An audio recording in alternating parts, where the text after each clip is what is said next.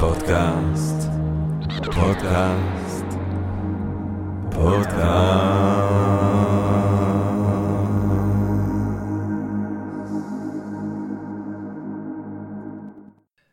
גבירותיי ורבותיי, ברוכות וברוכים הבאים לפודקאסט של Think and Ring Different, פודקאסט למי שאוהב לחשוב ולשתות. אני ג'רמי פוגל, ואנחנו רוצים להתחיל עם רגע של הודיה לעצם היש, לעצם המציאות הזאת שלנו, שבזכותה, ולמרות הכל ובהינתן הכל, אנחנו כאן כדי להרחיב את הדעת, להעמיק את התודעה, אה, לגרות את הסקרנות, אולי לספק אותה, אולי רעיון נשגב, מעורר השחרה, ככה פתאום, ככה כולנו פה ביחד ובעברית. אה, ועל הדרך אנחנו גם רוצים להודות לסמסונג נקסט תל אביב, שבבונקרים שלנו אנחנו מקליטים את הפודקאסט שלנו.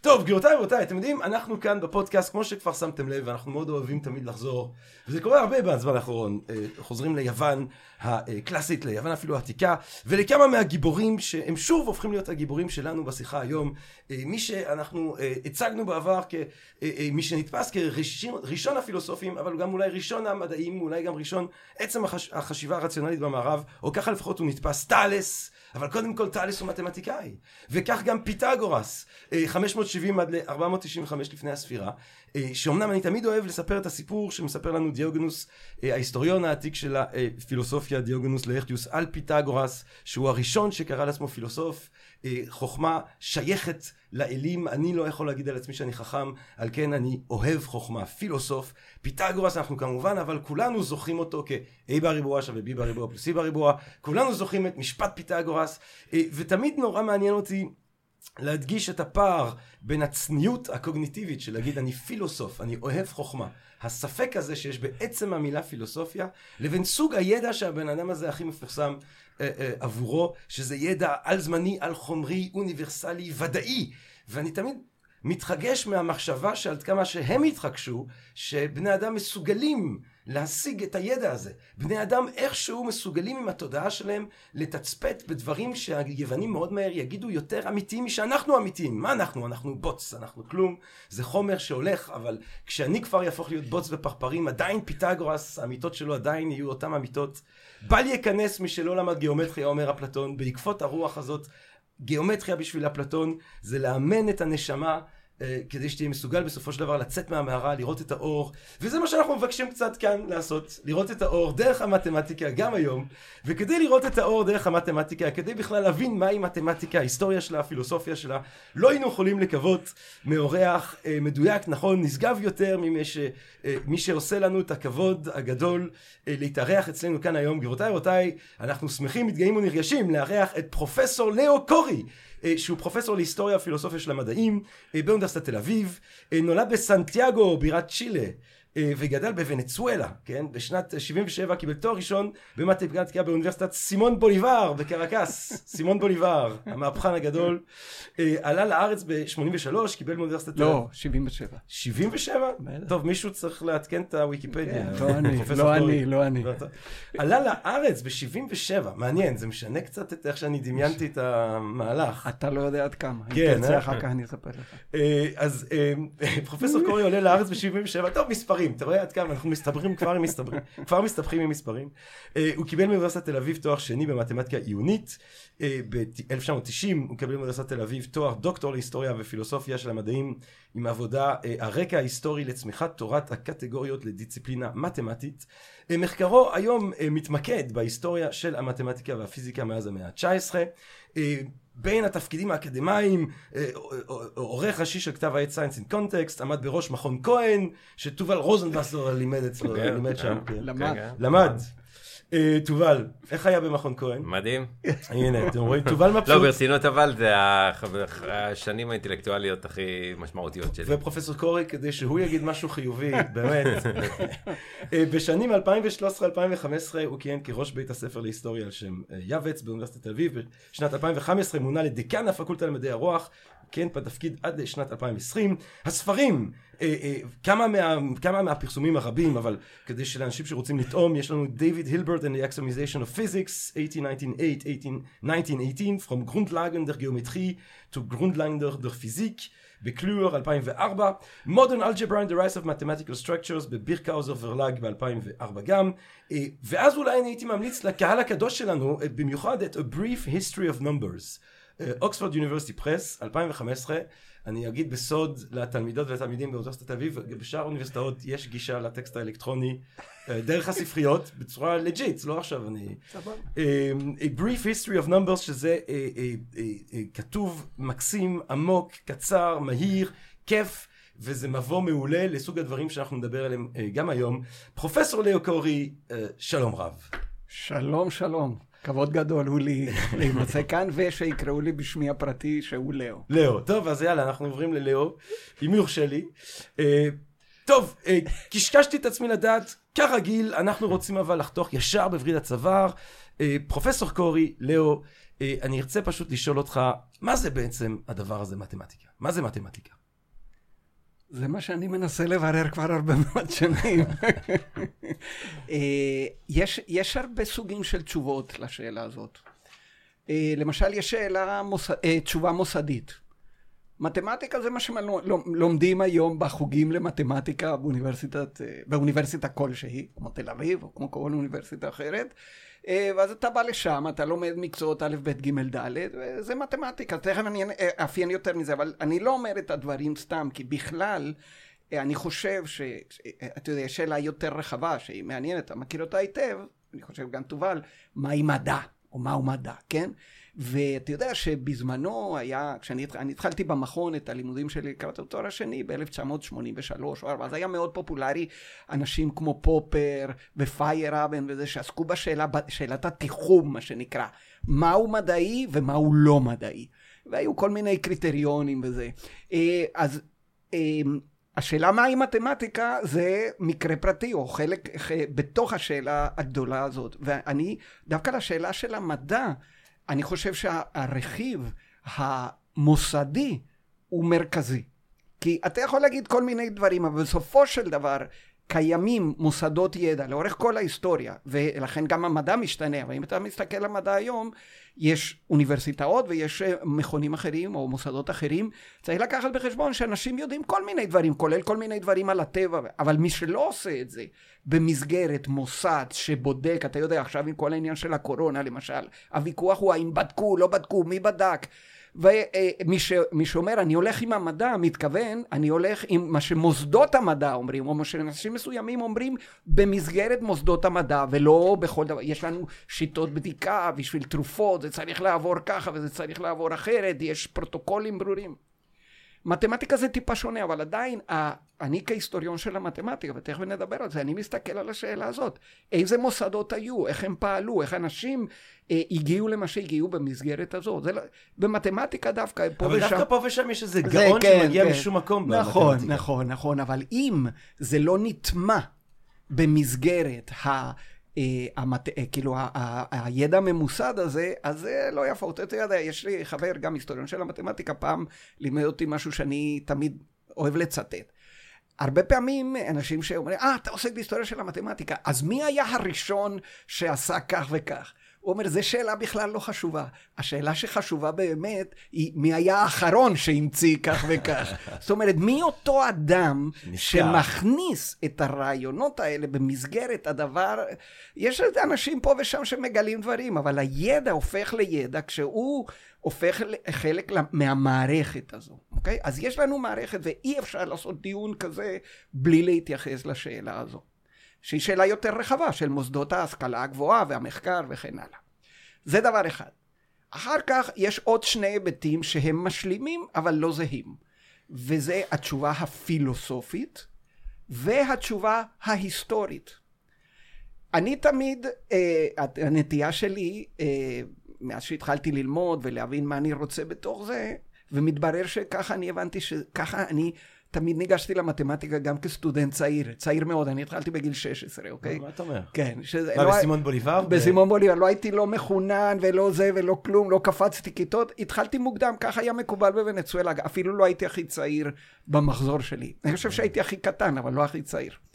אז אה, אה, תמיד עניין אותי השאלה הזאת, באמת, איך נוצר הדבר הזה, איך נוצרו המשפטים, איך נוצר הידע, מה... אבל השאלה ההיסטורית באמת, מול הפילוסופית, היא, היא לא נורמטיבית. למרות שיש בה איזשהו אלמנט נורמטיבי, היא בעיקר דסקריפטיבית. למשל, כשכתבתי את אותו הספר שאתה מדבר עליו, היסטוריה של המספרים, הייתי צריך להתחיל באיזשהו מקום, הייתי צריך לבחור מה אני משאיר בפנים ומה לא. עכשיו, אני יודע שהשארתי בחוץ הרבה מאוד דברים שלא, אה, ש... רק בגלל שא', אני לא כל כך יודע, וב', אחרת אין לך סיפור. אם אני מבין אותך נכון, אה, פרופסור קורי, היסטורית, אם את- אתה אומר היסטורית, אתה בוחר נקודה שיש בה אלמנט של ארטילאות, כן. כי רוב הסיכויים של בני אדם... שירותיות כביכול. כי אבל- מאוד קשה כן. לדעת מתי בני אדם התחילו לעסוק בדבר הזה שהיינו נכון. מזהים כמתמטיקה, נכון, נכון. ואנחנו, אפשר להתחיל ממצרים, כי כן. נגיד במצרים כן, זה מספיק עתיק וזה מספיק נכון. מבוסס, אבל, אבל רוב הסיכויים שלפני כבר היו אצל גילויים. הבבלים וזה. אבל אני התחלתי ביוון. למרות שאתה בספר מתייחס, הזה. אתה מתייחס למצרים כן, העתיקה. אה, על ה- אה, היה לי חשוב בפרק, באחד מהפרקים הראשונים, לדבר על השאלה הכללית יותר, איך כותבים מספרים למשל. כן. אגב, הספר שלי הוא לא היסטוריה של המתמטיקה בכלל, אלא היסטוריה של מושג המספר. נכון. שזה פרק אחד שהולך לכל האורך, אבל הוא צר יחסית. אז מה קורה ביוון, ש... או. ש... למרות שיש, הרי מן הסתם אתה לא יודע לבנות פירמידה אם אין לך גיאומטריה, מן הסתם אתה לא יודע נכון. לעשות את החישובים הבבליים אם אין לך נכון. את הזה. מה קורה ביוון, נכון. שאנחנו יכולים להתייחס לזה כמשהו שהוא ראשיתי, מכונן? כן. אז תראה, קודם כל אני אתייחס לציטוט שלך של אפלטון. אפלטון אומר, לא ייכנס לאקדמיה, בשערי האקדמיה, מי שלא יודע גיאומטריה. הוא לא אומר מתמטיקה, והוא לא אומר אריתמטיקה.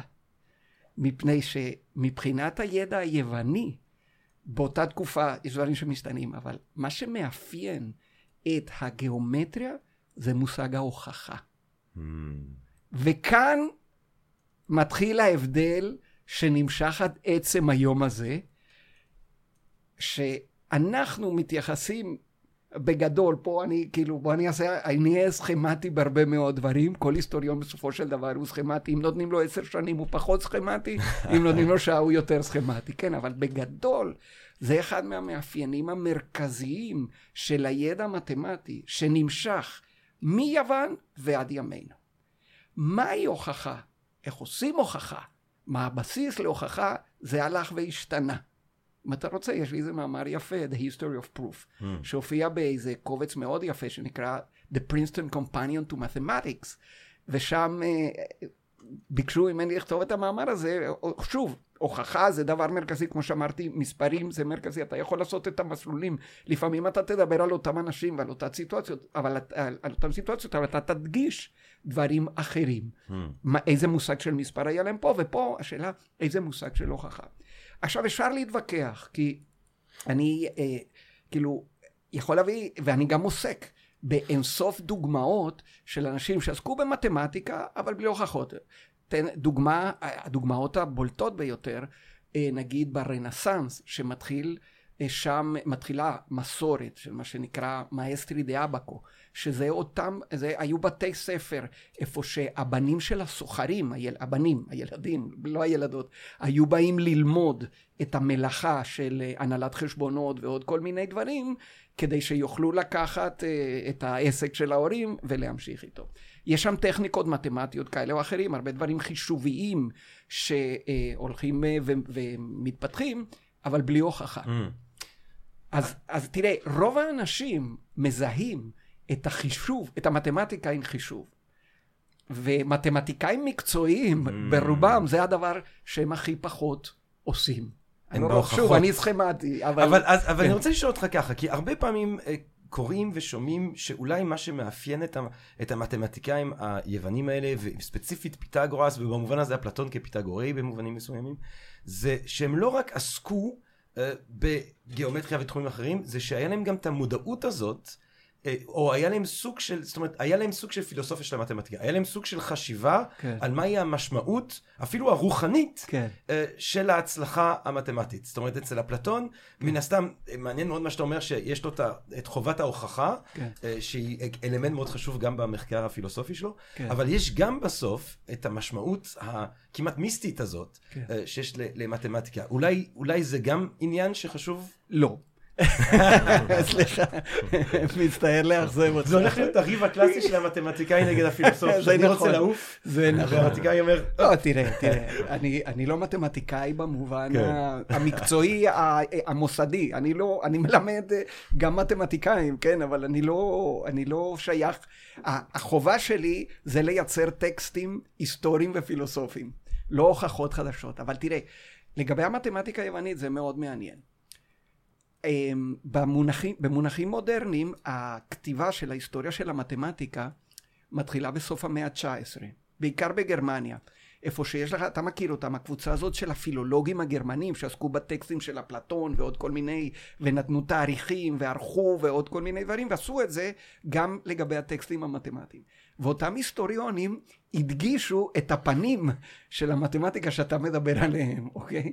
אבל מאז עברו הרבה שנים. ואנחנו לא מסתכלים על הדברים ככה. אם כי יש ויכוחים וגוונים, אבל תראה, המתמטיקאים הגדולים אה, הקלאסיים של יוון, בטור הזהב, הם אוקליד, ארכימדס ואפולוניוס. אני לא אומר שהם היחידים, ואני מתחיל ביום שני גם לתת את הקורס, אה, אחד, כאילו השנה של היסטוריה של המתמטיקה, ואני מדבר עליהם. יש כאלה שהתחילו קודם, יש פה ניואנסים כמובן ועוד כל מיני דברים, אבל הם לא היו פילוסופים בכלל. והם התרחקו, אם אתה קורא את הטקסטים שלהם, אין רמז בכלל, כלשהו, לכל אה, עניין פילוסופי. למשל, משהו שאתה גם מכיר, זה למשל קאנט, אה, אה, כאילו אחד מהפרקים החשובים בפילוסופיה של קאנט, אה, סביב המושג, אנחנו מדברים על המאה ה-18, קאנט, אה, אה, הוא אה, הרעיון של הסינתטי אפריורי, נכון? והוא מביא את הדוגמה של הגיאומטריה של אוקליד, כאילו הפרדיגמה העליונה של סוג של ידע ודאי ועוד כל מיני דברים, אנחנו עוד נדבר על זה, ש, אמ, אה, שהוא סינתטי אפריורי, כן? עכשיו, מה עושים היסטוריונים כמוני? לא, אני לא עשה זה חבר שלי, אבל הוא, אה, אבל, אבל אתן לך דוגמה. אנחנו הולכים וקוראים, אנחנו בודקים איזה מהדורה של הספר של אוקליד החזיק קאנט בידו כשהוא אמר את הדברים האלה, אוקיי? כי יש הרבה דברים, היו הרבה ויכוחים על קאנט, אה, מה הוא באמת התכוון וזה, ומה זה הסינט... למה הוא אומר במקום כזה שמה שאוקליד עושה ככה, זה לא כל כך מסתדר. אבל באמת, כי אנחנו בדרך כלל היום קוראים את המהדורות המאוחרות יותר. אבל אם אתה מסתכל על הספרים שהיו במאה ה-18 בגרמנית, אז הם ניסחו את הפוסטולטים של אוקליד באופן שונה לחלוטין. Mm. אני כבר לא מדבר על זה שכל הבניין הזה של קאנט התמוטט ביחס למתמטיקה, מכיוון שהוא הוא הרי דיבר שהגיאומטריה הוא ידע הכרחי, הוא בעצם אפריורי, כן? אפריורי במובן שכל, שההכרה האנושית לא מסוגלת לחשוב על, ה, על המרחב במונחים אחרים, ומה קרה, כאילו, כמה עשורים אחרים, המציאו את הגיאומטריה הזה- לאוקלידית. אז איך הדבר הזה בעיניך מפחיך את ה... זאת אומרת, אני אומר, גם אם היו כאלה שהתרחקו מהמשמעות הרוחנית שיש נגיד כן. למספרים אצל הפיתגוראים, או שיש לדבר הזה כן. אצל אפלטון, עדיין זה זרם שהוא בעל משמעות אה, כבירה אה, ורבה. אז תראה, אני אסביר לך ככה. קודם כל, אני חושב שמתמטיקה זאת פעילות סופר רוחנית. Mm. זה קצת כמו מוזיקה. מוזיקה קלאסית בעיקר, אם כי לא רק. טוב, זה אצל פיתגורס זה בכלל מחובר. בהחלט, כן. אני יכול גם על זה לספר לך קצת, וגם בימי הביניים, כל מיני דברים, אבל רוחני זה עוד לא אומר לא מטאפיזי וגם לא מיסטי. וזה מה שהיה אצל פיתגורס, למשל, אוקיי? זאת אומרת. תראה, יש עוד בעיה... אז בוא ש- נדבר קצת על פיתגורס. בוא נדבר על פיתגורס. אז אני, אז אני אתחיל בלהגיד את הדבר הבא, שמתמטיקה יוונית, כשאנחנו מדברים על מתמטיקה יוונית, אנחנו מדברים על משהו שהולך מהמאה החמישית לפני הספירה למאה השמינ... לא, למאה השלישית או רביעית, תלוי איפה אתה עוצר, לספירה. זאת אומרת, אתה מדבר על 800 שנה לפחות. כן. ואם אתה עושה את הרשימה של המתמטיקאים, אולי תגיע ל-30, משהו כזה, אני לא זוכר את המספר כרגע. זאת אומרת, אם אתה מסתכל על פני הזמן, ברגע נתון, יש שלושה, ארבעה מתמטיקאים, אוקיי? זה, זה כל הקהילה. אין קהילה במובן הנוכחי של המילה, אין פרסום במובן הנוכחי של המילה. עכשיו, פיתגור, תראה, על פיתגורס יש הרבה אמ, אגדות וזה, זה, אגב, זה לא המומחיות הכי גדולה שלי, אבל אני, אני מכיר בתור, אתה יודע, בכל זאת זה המקצוע. לא ברור אם היה איש כזה שנקרא פיתגורס, לא היה... אוי, אני אוהב להאמין שכן. אוקיי, אל אל לא, תהרוס לי את זהו, סנטה אני- קלאוס, זהו, נו. לא, כי מה שחשוב זה מה הרעיונות. כן. בין אם זה נוסחו. הייתה אסכולה כזאת. הייתה אסכולה כן. ככל הנראה. והם, כמו כל ה- ה- הפילוסופים הפרה-סוקרטים שאתה הזכרת כמה מן השמות, הם עסקו בשאלה המטאפיזית, אה, מהו החומר הבסיסי של היקום, שממנו כל היתר צומח ומתפתח. אז יש את האנקסימנדר והאנקסגורס, ויש את המים ואת האש וכל מיני. הפיתגוראים אמרו, הבסיס לכל זה מספר. וכשהם אומרים מספר, זה כבר, אתה יכול לקרוא בספר שלי, הם מתכוונים כמובן למספרים, מה שאנחנו קוראים טבעיים, או שלמים חיוביים. אחד, שתיים, שלוש, גם האחד הוא לא בדיוק מספר, כי זה לא אוסף של יחידות. בעצם זה ש... שתיים, שלוש וכן הלאה, אוקיי? עכשיו, יש כאן איזה סיפור שאם הוא לא מדויק, הוא, הוא, נח, הוא נחמד והוא קרוב למציאות, והוא עוסק בשאלה הבאה, שהפיתגוראים, כלומר, מאיפה צמח הרעיון הזה? דווקא במוזיקה. זאת אומרת, הפ- או בצלילים נקרא לזה ככה, ויש לזה השפעה אדירה עד קפלר במאה ה-17, האיש שמשנה את, ה, את אה, האסטרונומיה ואומר שבעצם מסלולי הכוכבים או כוכבי הלכת הם אליפטיים ולא אה, מעגליים, אבל הספר שלו מלא בפטיגרוניזם ומוזיקה של הדברים שכאילו לא קשורים בכלל מבח... מנקודת ראותנו. מבחינה, זה מסורת פיתגוראית, אחר כך נאו-אפלטונית, שהולכת לאורך כל ה-late antiquity ואחר כך ברנסאנס וכן הלאה. ואיפה זה מתחיל? זה מתחיל בהתבוננות אה, ושמיעה של צלילים, אה, כאשר אתה יכול לקחת מיתר מתוח. אני לא יודע בדיוק איך הם עשו את זה ומה מתחו, אבל אם אתה לוקח מיתר מתוח, אתה יודע. ואחד שהוא, נגיד, באורך מסוים, ומיתר באותו מתוח, באורך כפול, אז יש לך אוקטבה, אוקיי? אז אוקטבה, שזה תופעה גם פיזית, אבל גם מטאפיזית באיזשהו אופן, כי הם הניחו שכוכבי הלכת עושים אה, מה שנקרא The Music of the Spheres. שזה מדהים. זה מדהים, זה כל מדהים כך ויפה. זאת אומרת, אם לא, אנחנו, לא, לא, אם, אם אנחנו לגמרי. ברעיון שכל המציאות זה הרמוניות, גם עצם הרעיון של קוסמוס, קוסמוס זה נכון, מסדר. נכון, אז נכון. כל המציאות הופכת לא, זה להיות הרמוניה, שם, וכל. המציאות הופכת להיות סוג של סימפוניה שקטה, נשגבת, זה דבר כל כך יפה. אריתמטית. אריתמטית. אריתמטית. מכיוון שכשם שהאוקטבה משתקפת ביחס של 2 ל-1, אז אחר כך יש לך קווינטה וקוורטה שמת... שמשתקפות בהרמוניות של 4 ל-5, 2 ל-3 ועוד כל מיני כאלה דברים. והם רואים את התופעה הזאת, ככה האגדה מספרת, אנחנו לא בדיוק יודעים, אבל אנחנו כן יודעים שיש תיאוריה מוזיק... מוזיקלית שמפותחת ביוון העתיקה, שהיא בעצם אריתמטיקה, יחסים בין מספרים שלמים, וזה מתפתח בעצם עד הרנסאנס, ואפילו במאה ה-17 עדיין. במאה ה-17 זה משתנה. מכל מיני סיבות מעניינות, ואגב, אחד מהאנשים שמשנה את זה בצורה משמעותית, זה וינצ'נזו גלילאי, שהוא האבא של גלילאי, שהוא היה, הוא היה חלק מהקמרתה פיורנטינה, שזו קבוצה של הומניסטים בפירנצה, שבעצם אפשר להגיד ממציאים את האופרה. Uh, אתה יודע, יש מונטוורדי, uh, נחשב ל, ל, למי שהתחיל את האופרה, וזה, יש פה בהחלט uh, התכתבות עם מוטיבים שבאים מהפיתגוראים וממשיכים, כמו שאומר, כאילו, תמיד ההומניסטים מחפשים מה היה בעבר, אבל אפשר לשנות את זה קצת, או לא לשנות כן. את זה.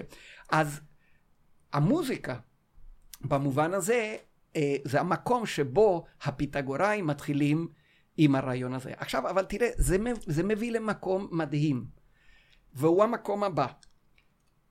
אה, ברור שלפיתגוראים, הרעיון הזה שכל התופעות, בוודאי השמימיות, אחר כך הצליל ועוד כל מיני דברים, ניתנים להסבר על ידי אה, תיאור של יחסים בין מספרים שלמים, מתנפץ בגיאומטריה. משהו שלא היית חושב, כי היית חושב שהמתמטיקה, כאילו, בסדר, צלילים, איפה? אני אסביר לך. אנחנו קוראים לזה היום הרעיון ששורש 2 הוא מספר אי-רציונלי.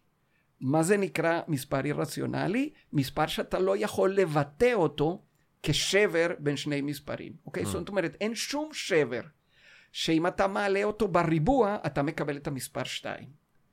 זה דבר בסיסי ביותר בכמעט כאילו כל דבר שמתחיל מאוקליד וכן הלאה.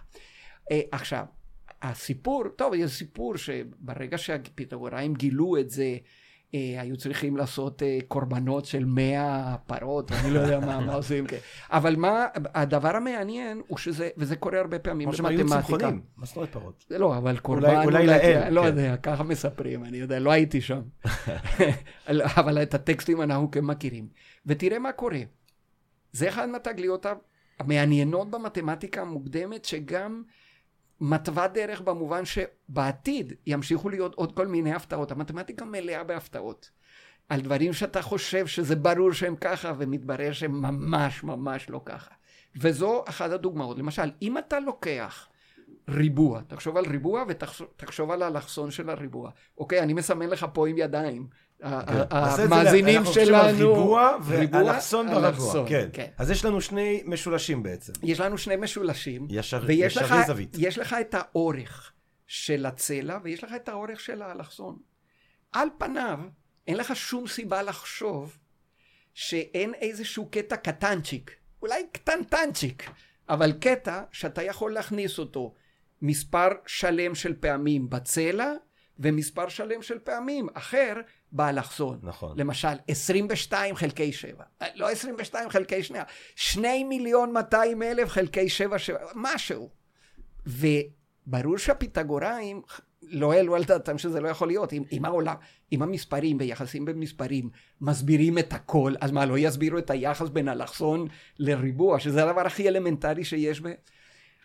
אבל ניתן להוכיח, והפיתגוראים ידעו להוכיח. אם כי אנחנו לא יודעים בדיוק איך. אריסטו מספר לנו שהם אה, ידעו שהם מניחים שקיימת מידה אה, משותפת, זה נקרא מידה משותפת, משהו שאתה יכול למדוד איתו גם את זה וגם את זה, שאם קיימת מידה כזאת, אז יצא לך שמספרים, ככה אומר אריסטו, שמספרים אה, זוגיים הם גם אי זוגיים. Hmm. עכשיו, אם את, אנחנו מכירים את ההוכחה המודרנית למה שורש 2 הוא לא יכול להיות פי חלקי q, כלומר לא יכול להיות שבר, ואפשר להלביש את זה ולהגיד, אה, לזה הוא התכוון, אבל זה ברור שלא לזה התכוון מכל מיני סיבות, אני לא יכול הוא מתכוון להסביר להגיד לך. שזה סתירה. זאת אומרת, זה להגיד על סתירה, לא, לא, זה ש- ברור. כן. אבל איך הם הגיעו לסתירה, יש הרבה דרכים לעשות את זה, אוקיי? אבל זה, תחשוב, יש את הפיתגוראים, יש להם את המפתח לעולם, שהוא לדבר על כל התופעות במונחים של יחסים במספרים שלמים, ובמקום הכי בסיסי של הגיאומטריה זה מתרסק. מדהים. מה קרה? קרו הרבה דברים, אני לא יכול לספר אז- לך. אז רגע, אז בוא נעשה אבל סדר לנו סיטואציה, עד רגע, כה. זה סיטואציה מאוד, מאוד נפוצה במתמטיקה. יש לך איזושהי תפיסה, אתה הולך איתה עד הסוף, מוכיח, כלומר, דרך הוכחה אתה מגיע למסקנה שמה שחשבת הוא לא נכון. ואז מתחיל, נפתחות דלתות. אני יכול ככה לדבר על האינפי ועל משפט גדל ועל המספרים, ה, ה, מה שנקרא דמיוניים, הרבה- האינסוף מול הסופי ועוד כל מיני דברים שהתגלו בניגוד ל... למה שכל אחד חושב, אבל מכיוון שאתה מוכיח במתמטיקה, אז המתמטיקאים אומרים, בגדול, לא, שוב, אני סכמטי, אומרים, וואו, הוכחנו את זה, אין מה לדבר, כל מה שחשבנו פשוט לא נכון, Hmm. צריך לעשות את זה אחרת. מדהים. אז, אז אם, אני, אם אני חוזר, אנחנו כן. התחלנו, אמרנו מה זה מתמטיקה, אתה הצגת, אמרת, יש את תשובה מוסדית, כן. שבו אנחנו בעצם הולכים לבחון מה, כן. זה, מתמטיקה זה כמו שאומרים, מה זה אומנות, כי ברגע ש. ששירותים הופכים להיות אומנות, אז זאת אומרת, מה. שמוזיאון מקבל כאומנות. זה התשובה המוסדית. כן. מה שלומדים בבתי ספר למתמטיקה, בפקולטות למתמטיקה, או ברמה היסטורית בכל מיני אקדמיות, או כל. מיני מוסדות, גם בהודו או בסין, נכון. שבהם עסקו במתמטיקה, זה מתמטיקה, תשובה מוסדית. אמרת, אה, מבחינה היסטורית, כן. קשה לתת תשובה אה, שהיא מדויקת, כי אפשר להראות תופעות מתמטיות מן הסתם, בבבל, במצרים. רוב הזיכויים, אה, נלך אחורה לסומריה, רוב הזיכויים, כן, מאוד קשה, אולי אפילו כבר לקטים ציידים היה להם מתמטיקה מאוד מאוד בסיסית, או עיסוק מאוד בסיסי עם כמויות של דברים. אה, אז, אבל אתה אומר, אפשר להתחיל, מבחינתי, יוון זה מקום טוב להתחיל בו, בדיוק. מתוך, עם צניעות והבנה שאפשר היה כאן לפני, ואז יש גם את הציר הפילוסופי בעצם, כן.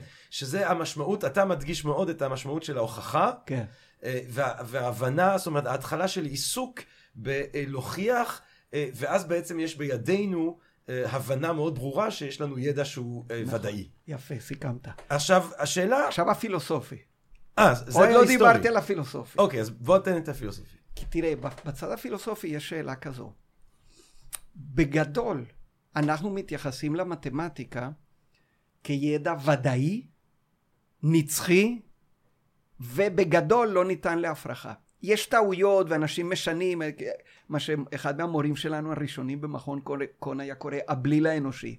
הוא בא והוא הלך וזה בסדר, אבל בסוף מתקנים את זה, ויש לך הוכחה, כאילו פיתגורס, כמו שאמרת, זהו, זה הוא הוכיח וזה לא השתנה. השתנה ההקשר שאתה רואה את זה, פתאום מתברר לך שזה מקרה פרטי של סיטואציות אחרות, כל מיני דברים, אבל הוכחת, זה נמצא שם.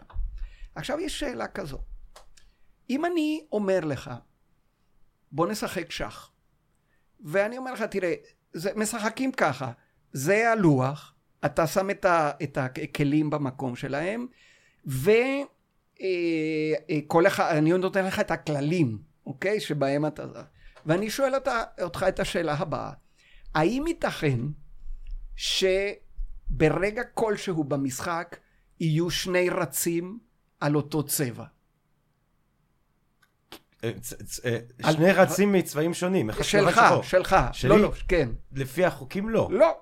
כן, למרות שפעם נתתי את הדוגמה הזאת, מישהו אומר לי, כן, אם אתה מגיע עם הפיון לסוף ואתה אה, מכתיר, אבל, בוא נעזוב את.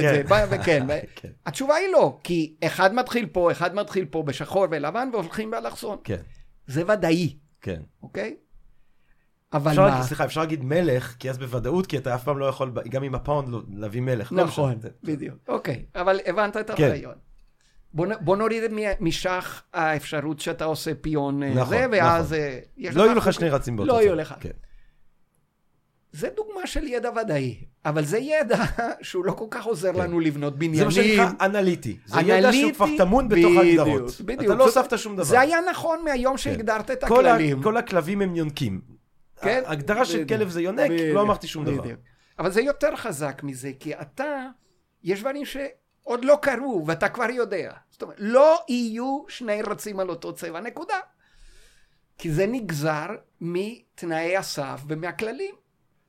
אבל שוב, אני אומר, אתה לא, אתה לא בונה עם זה בניינים, אתה משחק. אז עכשיו, זו הדילמה הבסיסית בבסיס כל דיון אפשרי על מתמטיקה מנקודת ראות פילוסופית. שאומר ככה, יכול להיות שמתמטיקה זה כמו שח.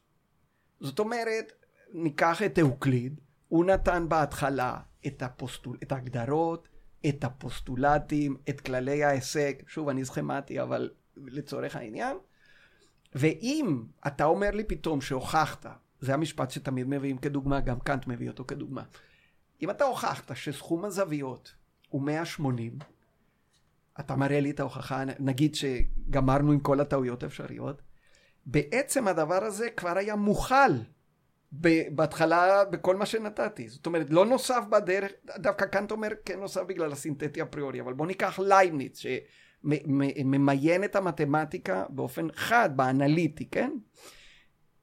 אז יפה, בסדר, הבנו, כי זה, זאת אומרת, להגיד שסכום זוויות הוא 180 זה כמו להגיד בשח שלא יהיו שני רצים באותו צבע. זה כבר היה בהתחלה. זה שאני לא ידעתי את זה ואני צריך אה, לתת איזה נימוק, ולא רק זה, הנימוק הזה לוקח לי 50 דפים של הספר, כי זה משפט שמופיע בעמוד 50. אוקיי, אז רגע, אבל אם זה ככה, איך זה יכול להיות שהפיזיקה, בוא ניקח את תמיד Mm. או, מביאים את ה... הנה זה קורה, כן, איך זה יכול להיות שהפיזיקה בדיוק. כתובה אה, בשפה הזו? או, או כמו שאני אוהב להגיד, איך זה יכול להיות? אם, אם מתמטיקה זה רק איזושהי חוקיות פנימית קוהרנטית שאנחנו מייצרים, כן. למה כשאנחנו מדברים ליקום במתמטית, הוא עונה? כן. ובינינו, בדיוק. אה, יכול להיות שאנשים מאמינים שהוא עונה גם כשאתה מדבר עליו בלטינית או בעברית, יש כל אבל. אה, כרגע הפיזיקה הטובה שלנו נכון. כתובה בשפה הזו. זאת אומרת, איכשהו אנחנו אה, אה, אה, מדברים מתמטית, ובסוף המטוס טס, אנחנו מדברים מתמטית, ובסוף כן. מסתבר שאיינשטיין צודק לגבי חורים נכון, שחורים, נכון. אנחנו מדברים מתמטית, ואיכשהו, עכשיו, אז בגלל זה אני תמיד צוחק עם אילם, אני אומר, אתה פיתגוראי, כי בסוף אתה שותף לאותה דת, אתה מאמין בסוף, אתה מחויב לאמונה בסוף, שיש משהו נכון. ביקום שהוא, שהוא, מת- לא. אז- זאת השאלה אז מה השאלה? הגדולה. אז מה- מה מה אתה חושב? זאת ה... תראה, אני שוב, אני היסטוריון. לא, אבל יש לך עמדה גם כ... לא בדיוק, אני מוכרח לומר לך, זה, זה קצת מוזר. אני מנסה להבין מה אנשים אמרו בזה. כן. זאת אומרת, שאתה בא... אני מלמד, נגיד, חוץ מכל מיני סמינרים אה, מסוימים, ואני מלמד קורס היסטוריה של המתמטיקה, ועוד קורס פילוסופיה של המתמטיקה, אוקיי? ואני נוגע שם בשאלות, אחר כך נוכל לדבר על חלק מהם, אבל בדרך כלל הקורס שלי בפילוסופיה של המתמטיקה הוא די היסטורי.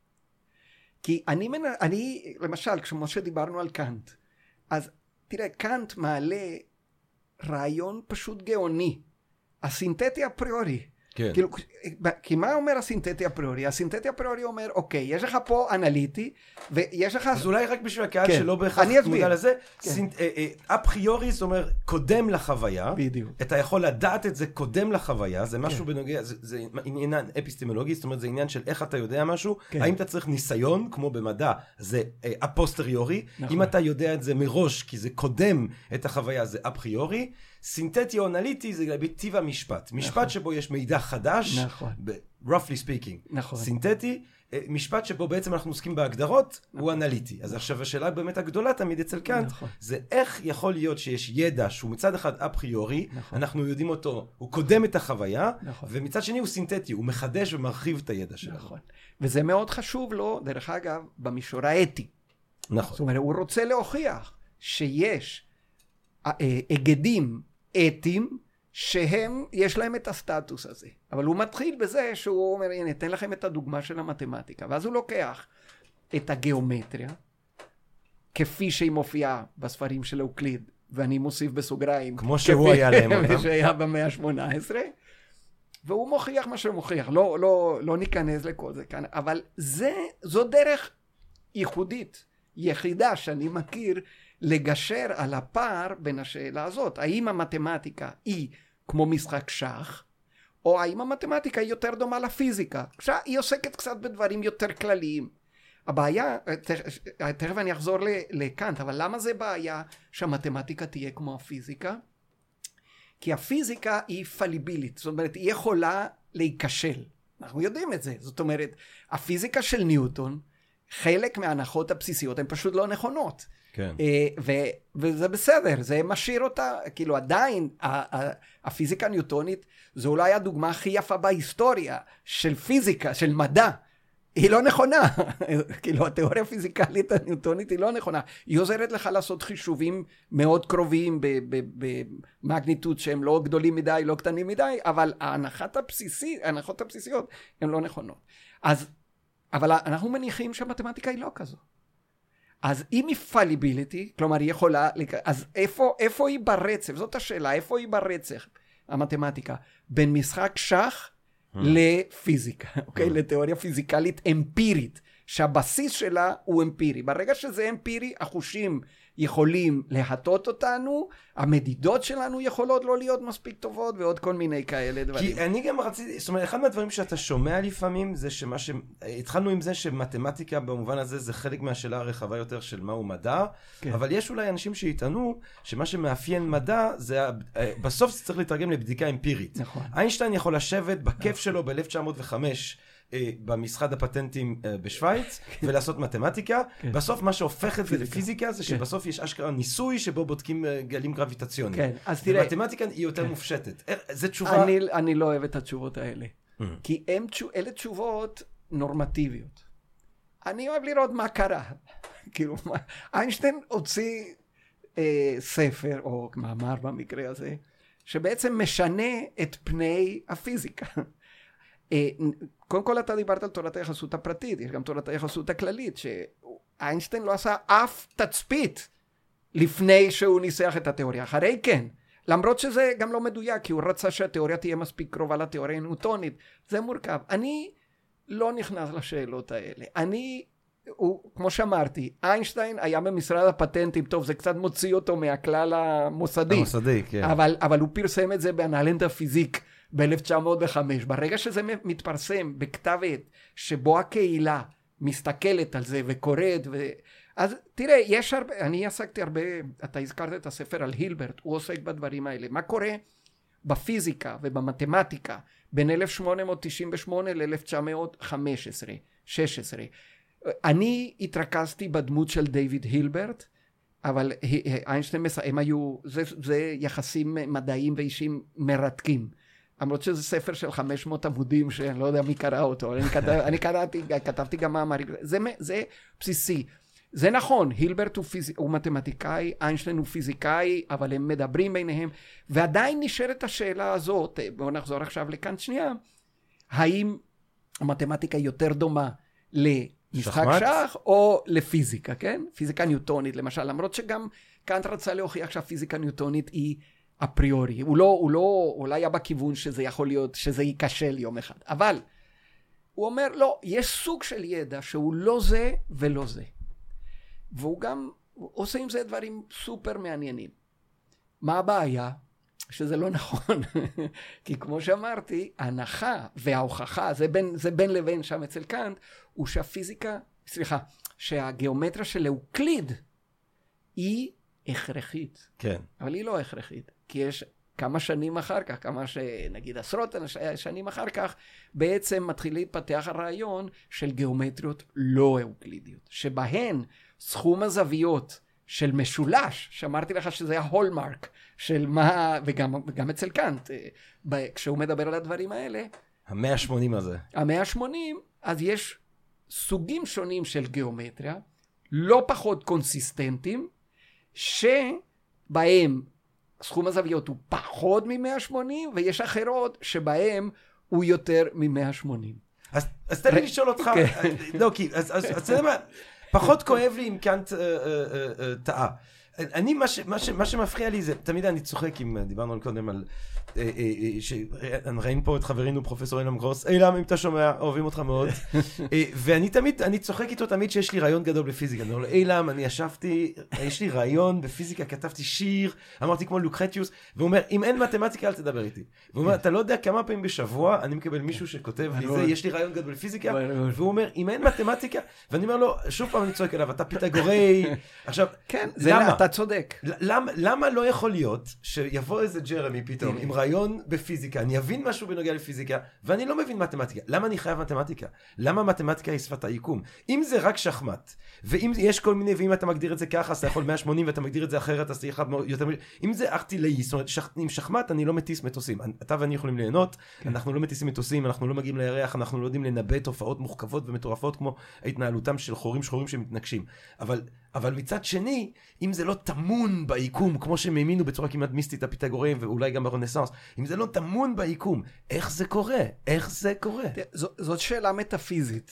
אני לא עוסק בשאלות לא, מטאפיזיות. אבל לא יכול להיות שאין לך רגע, דעה על רגע, זה, שנייה. לא יכול להיות שאין לך דעה. האמת שאין לי כל כך דעה, אני מוכרח לומר. תראה, אני, לא, ואני אז אגיד לך... איזה דעות אתה לא, לא, אוהב? או, לא, תראה, יש פילוסופים, למשל קוויין, שהוא אומר, הפיזיקה הכי טובה שלנו היא הפיזיקה הזו שיש לנו כרגע. יכול להיות שמחר יהיה אחרת, כן? ועובדה היא שהפיזיקה משתנה כל הזמן. אין לנו דרך יותר טובה להכיר את היקום מאשר דרך הפיזיקה הזו. וכך קורה, it so happens, שהפיזיקה הזאת כתובה בשפה מתמטית. אז מה יש לך להתווכח פה? תבוא אחר כך. תראה, אה, אה, מישהו כמו אלעם גרוס, אני מניח, לא דיברתי איתו, יכול להיות שבעוד 30 שנה מישהו יבוא ויראה לו משהו אחר, ומה הוא יגיד, אבל אה, תראה, אני חוזר פה, התשובה של אלעם גרוס, אני חושב, שוב, אני צריך לדבר איתו פנים אל פנים כדי להגיד לך, אני לא רוצה, אני לא דובר שלו, אבל אני מכיר את השיח. זה בעצם השיח המוסדי. שאומר, תשמע, זו הפיזיקה, ככה זה עובד, אנחנו, כדי שאני... אתה לא, אתה לא יכול להתווכח עם הפיזיקה הנוכחית על ידי שאתה תגיד, אה, שאתה תדבר, לא יודע, סוג הרעיונות. כמו ש... אני אתן לך דוגמה, ודיברנו על זה בפתיח, אחר כך כן. אם תרצה. כשקופרניקוס מופיע בעולם, ו- ו- וכל התקופה הזאת, הם לא התחילו מאפס. הוא אמר למשל כזה דבר, יש את האסטרונומיה התלמאית. האסטרונומיה שלי היא כמו התלמאית, עם אותם כלים, עם אותם אה, גלגלים. גלגלים וזה, רק אני אומר לכם משהו, יש כאן איזו הנחה שגויה. אני משנה את ה... זה קורה בפיזיקה כל הזמן, כן? זאת אומרת, אה, פתאום מדברים איתך על, על חומר אפל, משהו שלא חשבו, או, אתה יודע מה, אחד הדברים הכי חזקים ב, ב, נגיד ב-1918, או אחרי זה, ברפובליקת ויימאר, שעולה ב-1926, מכניקת הקוונטים עם פיזיקה שבה, ה, שקיים אלמנט לא דטרמיניסטי. זה, תשמע, זה שינוי כל כך עמוק, שבאמת אה, על זה נכתב המון, והפיזיקאים עוסקים, ופילוסופים של הפיזיקה, אבל זה היה, זה היה שינוי, אבל חלק, כל יתר השפ, השפה של המתמטיקה, כאילו של הפיזיקה דרך המתמטיקה, ועוד כל מיני דברים שהיו, נגיד שימור האנרגיה, שגם זה לפעמים אפשר להתווכח, אבל זה, אולי בתהליך הדרגתי אתה כבר, אה, אבל לא באו ואמרו, תזרוק את כל זה, כמו שאתה יודע, קון, כשיש לו את הרעיון הזה של המהפכות המדעיות, מדבר על זה שבאה פרדיגמה חדשה ופתאום יש אינקומזורביליות. מה שדיברת בשפה הזאת, לא יכולת לדבר בשפה הזאת, נגיד טרום קוונטים וקוונטים. זה ממש לא נכון. כאילו, אם אתה מסתכל על מה קורה באמת במאמרים שנכתבים, אנשים לא קופצים מיום אחד, יש תיאוריה, איך אנחנו... כוללים, למשל, כשאיינשטיין בא עם התיאוריה, עיקרון היחסיות כפי שהוא מנסח אותו ב-1905, פתאום כותבים איזה, פלנק כותב ב-1908 מאמר על תרמודינמיקה רלטיביסטית. זאת אומרת, הוא לוקח אחד מהתיאוריות הכי זאת אומרת, קלאסיות. אני חושב שאם אני, אם אני מבין אותך נכון, לאו, בעצם כל הדברים שאתה מביא עכשיו, ובמיוחד קוויין שגם חושב על ידע כאל רשת, נכון. ומה יותר עמוק ברשת, זאת אומרת, אתה, אני, הגישה שלך היא, היא, היא, היא כהיסטוריון היא הגישה המוסדית, ו, ו, ואתה, ו, וכדי לחזק גם את ה... את ה את, ה, את האימוץ הגישה הזאת, או, או הסבירות שהיא, שהיא, שהיא המדויקת ביותר, אתה אומר, תראו, גם מה שמוצג כמהפכה יש מאין, כשאתה מתקרב ומסתכל, זה משהו שהוא בעצם שינוי הדרגתי של הידע המוסדי שהיה קיים, כן. ובדיעבד זה התפתח לכיוון כן. כזה שזה נראה כמו איזושהי מהפכה. אבל אני רוצה לשאול אותך, אה, אה, אה, לאתגר את, ה, את, ה, okay. את אוקיי. התפיסה הזאת ולומר, האם כהיסטוריון באמת, זה לא עושה לך את החיים יותר קלים. זאת אומרת, זה לחפש מתחת לתאורה את מה שיש. זאת אומרת... לא, ההפך. אני, אני ההפך. מסתכל על המוסד. המוסד כן. זה דבר שאני יכול להגיד, הנה, יש את המוסד הזה, יש את הידע המוסדי הזה, כן. וכאילו, אולי דווקא השאלה כן. המטאפיזית הזאת, כן. היא, כן, היא כן משהו שאנחנו כן, אבל גם. מטאפיזיקה מעוגנת במוסדות. זאת אומרת, לא, אני, אני רוצה להגיד ככה, אני לא אמרתי שאני מסתכל רק על מוסדות, חלילה. כן. אבל אני מסתכל מאוד חזק על מוסדות. כן. פעם היה משהו שנקרא History of Ideas. מה זה History of Ideas? זה אומרים לך ככה, קופרניקוס אמר כך וכך, דקארט אמר כך וכך, גלילאו אמר כך וכך, כאילו שהרעיונות, אתה יודע, מתגלגלים ב... היום כן, כי יש לך את הענן, אולי שם... אתה צריך לדעת מי לימד את מי. איפה לימדו את זה, על למה... על בסיס איזה טקסט. כן, על בסיס איזה טקסט. אנחנו מסתכלים, תראה, היום יש דברים פנטסטיים כהיסטוריונים. אולי אתה מכיר חלק מזה, מה שנקרא History of the Book. כן. שאתה, למשל, יש איזה פיזיקאי, אסטרונום מהרווארד, אוהן גינגריץ', הוא היה אסטרונום ידוע וזה, באיזשהו שלב הוא החליט לכתוב היסטוריה. יש כאלה שעושים את זה ועושים את זה גרוע, הוא עשה את זה ממש יפה. והוא כתב ספר שנקרא The Book No one read. מהו ה-book no one read? זה הספר של קופרניקוס. כי הייתה תיאוריה, לא, אבל הוא רוצה להוכיח שכן קראו את זה. והוא עוקב אחרי התפוצה של הספר, ואיך קרה שהתיאוריה הזאת התחילה להיות מאומצת. עכשיו, כדי להיות מאומצת, מישהו היה צריך לקחת את הספר בשק שלו ולהביא אותו מצפון פולין לדרום גרמניה. יש כל מיני שאלות על איך תעשיית הספר. תמיד אמרו מהפכת הספר, הדפוס וזה, והוא אבל זה לא כזה פשוט. זה מי פרסם, כמה עלו הספרים, כמה ספרים היו במהדורה. איך העבירו את הוודקאט, מה שהיה כאילו, אתה יודע, היו עושים דיאגרמות, זה לא כזה פשוט, אז אתה צריך להביא את זה, לפעמים היו, אנחנו יודעים את זה. ויש לנו, אני ועוד כל מיני אנשים עוסקים בזה עם כל מיני רעיונות, למשל על אלמנטים של אוקליד, או על, על עוד, עוד ספר, הספירה של סקרובוסקו, לנסות להבין איזה הוצאות לאור בתקופה המוקדמת של הדפוס. בוונציה, בנירנברג, בכל המקומות האלה, איפה שהיו מאוד חזקים בהדפסת ספרים, איך הדברים האלה עבדו? כמה עלה ספר? מי קנה את הספר? הסטודנטים או המרצים?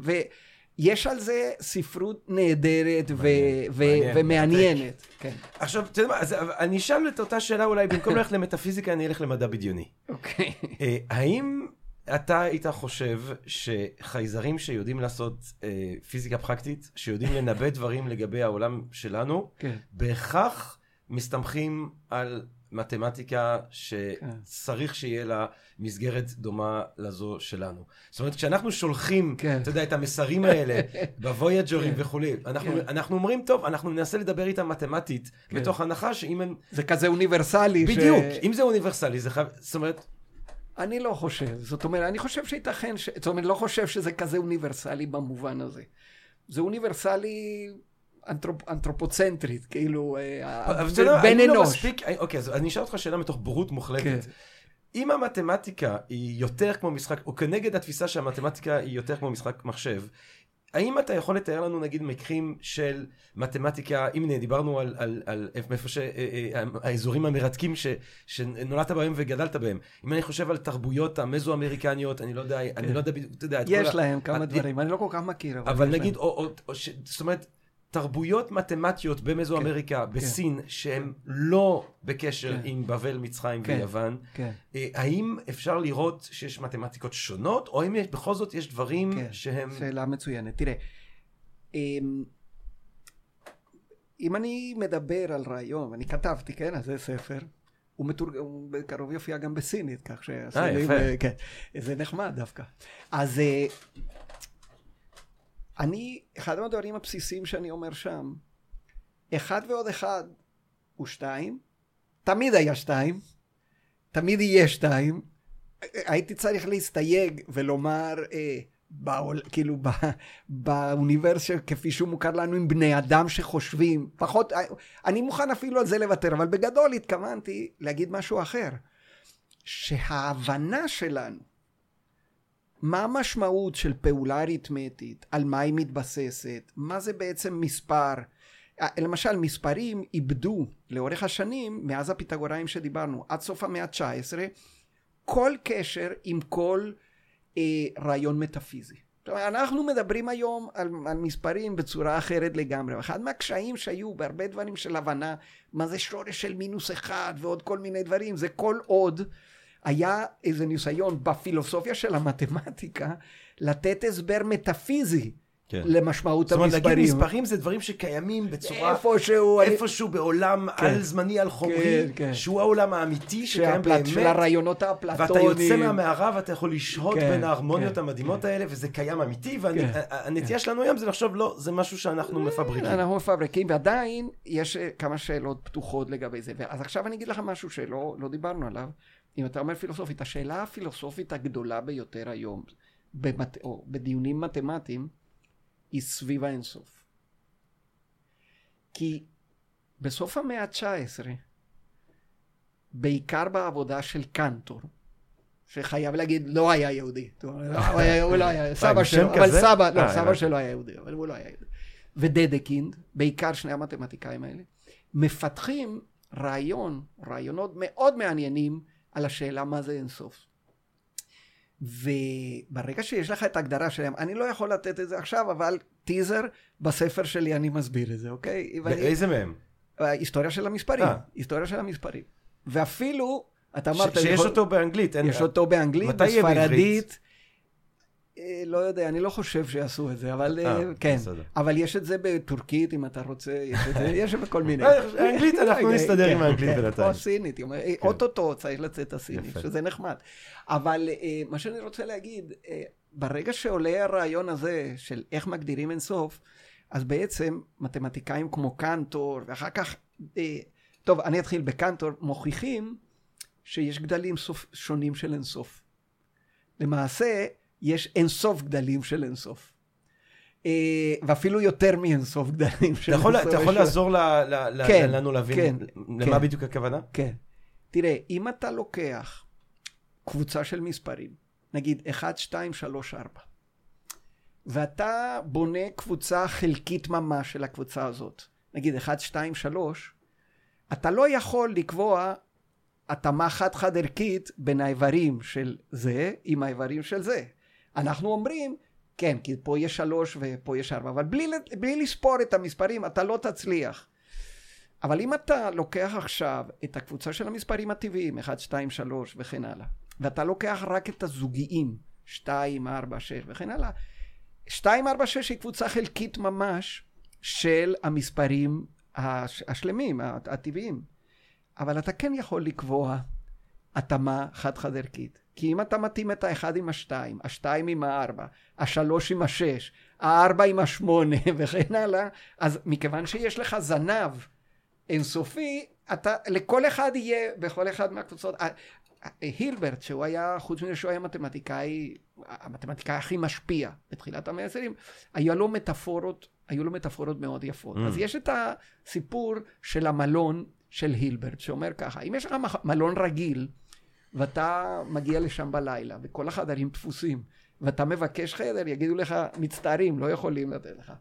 אבל אם אתה מגיע לס... ל... למלון שהמספרים שלו הם מ-1 ועד אינסוף, כאילו 1, 2, לא, עד אינסוף זה ביטוי של ילדים, אבל לצורך העניין נגיד את זה, אז גם אם הוא מלא, אין בעיה לקבל אורח חדש. כי אתה אומר, כל אחד עכשיו יעבור לחדר הבא. זאת אומרת, אם אתה יושב בחדר 102, אתה תעבור ל-103, ואז מי שהיה בחדר אחד, אז הוא מתפנה ואני יכול לקבל אותך. גם אם יבואו עשרה אנשים, אני יכול לעשות את הטריק הזה. וגם אם יבואו אינסוף אנשים, אני יכול לעשות את הטריק הזה. כי כל אורח שנמצא, הוא יעבור לחדר שהוא פי שניים. למשל, אתה יושב בחדר 202, אתה תעבור ל-404. וככה אתה תפנה את החדרים, אוקיי? אז... אה, אה, מרגיש כמו סיוט המלון הזה, תחשוב, איזה לא. קפקאי, אתה במלון, כל נכון, באים עוד אנשים, כולם נכון. זזים. עכשיו, עכשיו, הילברט קרא לזה, הילברט, היו, תכף אני אסביר לך למה יש מתמטיקאים שלא אהבו את זה. אמ, והוא אמר, אף אחד לא יוציא אותנו מה, מגן העדן שקנטור יצר עבורנו, שזה אותו גן עדן שבו האינסוף אתה מתחיל להבין אותו עד הסוף. ואז מה שקורה זה ככה, למשל, אם אתה לוקח את המספרים הממשיים, מה זה הממשיים? עם כל השורשים ופאי, כל מה שלא ניתן, כמו שורש 2 שאמרנו שהוא לא ניתן לביטוי כ, כ, כשבר, אתה לוקח את כל המספרים האלה, אתה לא יכול ליצור אה, ח- התאמה חד-חד ערכית בין 1, 2, 3, 4, זה, לקבוצה הזו. וההוכחה היא יפהפייה, והיא גם מופיעה בספר שלי, אבל היא מופיעה באינטרנט בכל מקום, מש... ולא צריך לדעת ש- כמעט מתמטיקה בשביל לעשות את זה. Hmm. אני, אני אפנה אותך, אתה יכול בקלות אה, להבין את זה. צריך ל, ל, לשים לב, אבל אתה לא צריך לדעת אינטגרלים ומשוואות דיפרנציאליות ושום דבר כזה. אז יפה. ואז, בתחילת המאה ה-20, מתחילים להופיע פרדוקסים במתמטיקה. אולי אתה שמעת למשל על הפרדוקס של ראסל, Mm. שמדבר על קבוצת כל הקבוצות וזה. ש- בכפר שבו כל אחד בדיוק. שלא מספר, לא, שנייה, איך זה הולך? כן, כן. בכפר שבו כל כן. אחד שלא מספר לעצמו את השיער, מי שמספר אותו זה הספר. נכון. מי מספר את הספר? נכון. זה לא הפרדוקס של ראסל, אבל זה מטאפורה יפה לפרדוקס כן. של ראסל. עכשיו, ברגע שהתחילו לדבר על קבוצות אינסופיות בסגנון של קנטור, התחילו לנסח מחדש הרבה מאוד דברים שלא היו לגמרי ברורים עד שם, ובעצם ביססו חלקים גדולים של המתמטיקה על הפרדוקסים. ואז מתחילים להופיע, לא על הפרדוקסים, על, הקב... על התיאוריה של אה, קנטור, ואז מתחילים להופיע את הפרדוקסים. עכשיו, הרבה פילוסופים ועוד כל מיני אנשים אמרו, וואו, התמוטט העולם של המתמטיקאים. לא התמוטט שום דבר, רוב המתמטיקאים אמרו, כן, שמענו שיש שם איזה בעיה, לא יודע מה, אה, יפתרו את זה, אנחנו ממשיכים בשלנו. כאילו, הבניין הזה לא, לא מתמוטט בגלל ש... אבל ברמה הפילוסופית, אז בא מתמטיקאי אחד במיוחד, למרות שיש אחרים, מתמטיקאי הולנדי בשם בראואר, והוא אמר את הדבר הבא. הוא אמר, אין אינסוף, כי המתמטיקה, זה טיעון אה, פילוסופי נטו, Mm. אוקיי? כמו שאתה אוהב, אבל לא מטאפיזי. Mm. חצי מטאפיזי נקרא לו. הוא אומר ככה, מה זה מתמטיקה? מבחינה פילוסופית. זה לא מתקיים בעולם האפלטוני של האידאות, וזה לא מתקיים באמפיריה, זה מתקיים בראש שלי. Mm.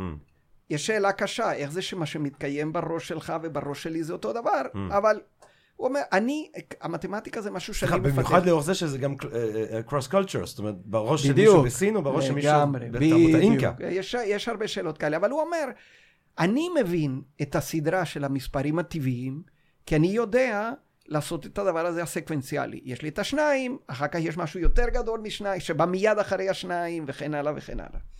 והאינסוף, אנחנו יכולים לדבר עליו רק במונחים פוטנציאליים. כלומר, שהסדרה של המספרים הטבעיים, אין לה קצה. כל מספר שאתה תגיד לי, אני אגיד לך מספר יותר גדול. אבל אין דבר כזה אוסף כל המספרים הטבעיים. זה לא קיים, כי זה לא, הראש שלי לא יכול, יכול לייצר כמה שיותר, ועוד פעם ועוד פעם ויותר, אבל לא את כולם ביחד. אני מוגבל, כאילו פיזית אין את זה. עכשיו, זה היה יכול להיות אפיזודה חולפת במתמטיקה.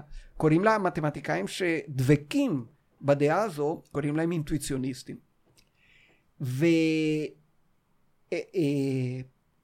והכוח שלהם הוא בכך שלהבדיל מהמתמטיקה המיינסטרימית, שהילברט רצה בכל מחיר לשמר ולפתח, אצלם הם פרדוקסים. לא יכול להיות פרדוקס. ואז הוא אומר, הנה, אצלי המתמטיקה, אני נותן לה משמעות פילוסופית וגם אין בעיות. עכשיו, זה לא שאין בעיות, כי אצלו חלק מהמשפטים המרכזיים של הקלקולוס לא בדיוק עובדים כמו שאנחנו רגילים. למשל, בקלקולוס יש לך מושג שנקרא פונקציה רציפה, ויש לך פונקציה שניתנת לגזירה בכל מקום. זה שני דברים שונים. יש פונקציות שהן... רצ... טוב, כל פונקציה שהיא גזירה בכל מקום היא גם רציפה, אבל ההפך לא. אצל בראואר, כל הפונקציות הרציפות הן גם גזירות. אז אומרים לו, איזה מין מתמטיקה? הוא אומר, מה הבעיה? כאילו, אין לי סתירה. זה שאתם רגילים במתמטיקה שלכם, היום אתם לא רואים שמה שאמרתם זה יוביל אתכם לסתירה, אבל זה יוביל אתכם לסתירה, ואצלי אין סתירות. אז אומרים לו, כן, אבל הקלקולוס והפיזיקה מבוסס על מה שאנחנו רגילים, הוא אומר, תצטרכו לתקן את זה. כי אתם פתחתם לא את שערי השמיים, שערי הגיהינום, ברגע שאפשרתם להכניס במתמטיקה את מושג האינסוף הקיים, המוחלט. ואז מה שקרה היסטורית, זה, זה סיפור מאוד ארוך ומאוד מעניין, אבל היום חזרנו לתקופה במתמטיקה שהחישובים, אני אומר משהו סכמטי ויסלחו לי אלה שיתקנו אותי וזה, אבל בגדול, אני, אני מוכן לפרט בכל, אם ייתנו לי מאה שנה, אני, אני אפרט את זה לפרטים, אבל, אבל בגלל הכניסה המסיבית של מחשבים, Mm. אל לב ליבה של המתמטיקה, תפיסות ישנות שעשו כל דבר כדי להדיר את החישובים ולעשות את הכל ברמה קונספטואלית, בתחומים המרכזיים של המתמטיקה, החשבון אינפיניטסימלי, אנליזה, טופולוגיה, תורת המספרים וכל אלה, הילברט אמר שתורת המספרים חייבת לעבוד לא על ידי חישובים, אלא על ידי רעיונות, על ידי מושגים, וככה הוא עשה את זה, וזה משהו שהתפתח מאוד. אבל היום, דור חדש של מתמטיקאים, שאתה אומר להם משהו, הם, הם יודעים, יש להם חינוך מעולה והכל, אבל רגע, בוא נחשב שנייה. עכשיו, היום לחשב זה לא כמו שהיו מחשבים כן. בתקופה ש... ואז הרעיון של ביסוס המתמטיקה, על, לא על האינסוף המוגמר, אלא על, על משהו שהוא סופי למעשה, סופני, אבל סופני זה מילה כן, פיניטיסטית, כן. קוראים לזה במתמטיקה. הוא עושה פחות, אה, כאילו, מתמטיקאים מעקמים את האף פחות, אה, ואני מדבר רק על מתמטיקאים שמתעניינים בשאלות האלה, כי רוב המתמטיקאים לא מתעניינים בשאלות, כל אחד יש לו את התחום שלו והוא עוסק בו וזה, אם יש פרדוקס שם בקצה של העולם, אתה יודע, כמו כן. שאתגר קרת יש לו את הש... לא, זה לא משהו חדש, זאת אומרת, כבר בזנו לא, וזה אבל, בעולם העתיק, כן, יש לנו את הפרדוקסים אבל לא הקלאסיים. בלב ליבה של המתמטיקה. Hmm. תראה, אני אגיד לך ככה, יש אקסיומה אחת, קוראים לזה אקסיומת הבחירה, שאומרת שאם יש לך קבוצה אינסופית, אוסף אינסופי של קבוצות אינסופיות, אתה יכול לבנות קבוצה שיש בה נציג אחד של כל אחד מהקבוצות האלה שהיו לך. בלי האקסיומה הזאת, אתה לא יכול להוכיח את המשפט היסודי של הקלקולוס, שאומר שהאינפי, שה, שהנגזרת והאינטגרל הן פעולות אה, הפוכות. שוב, אני מאוד סכמטי, אבל... וה, והאינטואיציוניסטים לא מקבלים את אקסיומת הבחירה. אה. הם, הם לא מקבלים את זה, הם אומרים לא, זה יש בעיה, כי אקסיומת הבחירה תוביל אותך לסתירה. אז אה, שוב, בצורה מאוד סכמטית, מה שאני אומר, אז זה אנשים שדנים היום, רוב הדיון הפילוסופי על המתמטיקה הוא על השאלות האלה, של המותר והאסור בתחום הקבוצות האינסופיות המוגמרות. אה. אה, אה, הפכתי למאוד אבסטרקט. לא, אבל, אבל, אבל אם אני, אם אני חוזר את זה באמת למוחשי, זאת אומרת, אם אני מתרגם, אני מנסה לתרגם את הדיון הזה אה, סביב השאלה שאנחנו מנסים לשאול, שבצורה מאוד בסיסית אומרת, האם המתמטיקה זה קורה בראש שלנו, או האם המתמטיקה משקף משהו שקורה בעולם כן, החיצוני, כן. והעניין של האינסופיות והאינסוף קבוצות והמורכבות כן. במושג האינסוף, איך, איך זה מתפד... מתפלג סביב השאלה הבסיסית הזאת של האם זה קורה בראש שלי או אם זה קורה בחוץ? תראה, קודם כל תשים לב שהרעיון הבראוניאני, הבראואריאני, כלומר האינטואיציוניסטי, הוא מאוד קנטיאני. כי גם קאנט מנסה להבין את גבולות החשיבה של ההכרה האנושית. וגם בראואר הולך בכיוון הזה. אבל בראואר מביא, יודע קודם כל כמתמטיקאי שהסינתטי אפריורי לא עובד ביחס לגיאומטריה. אבל ייתכן שהוא כן עובד ביחס לאריתמטיקה. Hmm. זה הרעיון, לא בדיוק ככה, אבל שוב, סכמטי בשביל לעשות את זה. הוא אומר, גיאומטריה, גם אנחנו יודעים לבנות היום את הבסיס של הגיאומטריה, ידעו מזמן, אבל זה, זה כאילו, זה מקובל, כאילו, שהבסיס הוא באריתמטיקה, לא בגיאומטריה. אגב, זה, אם אתה רוצה היסטוריה, עד השליש, הש, כאילו תחילת השליש השלישי של המאה ה-19, אריתמטיקה היה בתוך המתמטיקה משהו שלא ברור מה הבסיס שלה. Hmm. גיאומטריה היה הדבר המוצג, כשדיברו על ודאות, דיברו על גיאומטריה. מכל מיני סיבות זה השתנה. והאינפי נחשב למבוסס היטב ברגע שאנשים כמו ויירשטרס ועוד כל מיני שפועלים בסוף המאה ה-19 מבססים את המושגים הבסיסיים על מושגים אריתמטיים ולא גיאומטריים, אוקיי? סתם דוגמה, אבל דוגמה סופר מרכזית בתוך העניין הזה. ואז נשאלת השאלה, מה הבסיס? כלומר, כל אותן שאלות שנשאלו, שקאנט ולייבניץ וזה, עכשיו יהיו ממוקדות באריתמטיקה ולא בגיאומטריה. ויש כל מיני דרכים אקסיומטיות, זה קצת כאילו, גם אני מדבר על זה בספר, אני חייב אז להגיד. אני רוצה משהו מהספר, אתה, אה, אה, אה, מתוך אהבת מספרים, משהו שלמדתי באחד מהשיחות האחרונות שלנו פה בפודקאסט, אני שוב, אני סוחב למטאפיזי, אבל אני בטוח שהתשובה שלך תיקח אותי למקום יותר זהיר. אומרים, אתה יודע, יש אגדה לאפלטון שאומרים שיום אחד, סוף סוף הוא בא והוא הוא, הוא, הוא, הוא הלך לתת שיעור, הרצאה, על מהי האידאה של הטוב. כן, תורת האידאה המסתורית המושלמה הזאת, שהוא הוא גם כל הזמן קצת מסתיר אותה, כי בסוף הטקסטים שהוא כותב הם לא בהכרח לאנשים ש, שלא, שיצאו מהמערה, אז לכן הוא לא יכול להסביר להם ממש מה קורה מחוץ למערה, אבל אה, יום אחד הוא בא ואומר, אנחנו נדבר על האידאה של הטוב, ואומרים שכולם נורא התאכזבו, כי הוא דיבר רק על מתמטיקה. ולא רק שהוא דיבר רק על מתמטיקה, אה, אומרים שהוא דיבר בעיקר על מספר אחד. ואנחנו יודעים שהאחד גם מקבל כן. חשיבות מאוד אה, משמעותית בתורות הנאו-פלטוניות, שיש איזו חשיבות כן, האחדות. כמעט מיסטית לאחד, כן. אה, אולי, אולי כדי שנבין קצת מה זה היסטוריה של מספרים, אולי שככה לסיום, שנקבל יותר איזשהו, ככה איך זה נראה פרקטית, תדבר איתנו קצת אולי על המספר אחד. מה זה המספר אחד? תראה, אחד מהדברים המעניינים על מספר האחד הוא שהיוונים לא החשיבו את האחד כמספר. כשאתה, אם אתה לוקח את הספר שמגדיר באופן הבסיסי את המספרים לראשונה, שזה באלמנטים של אוקליד, באלמנטים של אוקליד יש 13 פרקים, זאת אומרת, זה מסכת, עם ש... בתוך זה שלושה פרקים מוקדשים לאריתמטיקה, ומסבירים לך מה זה מספר. וכתוב, זה אוסף של יחידות.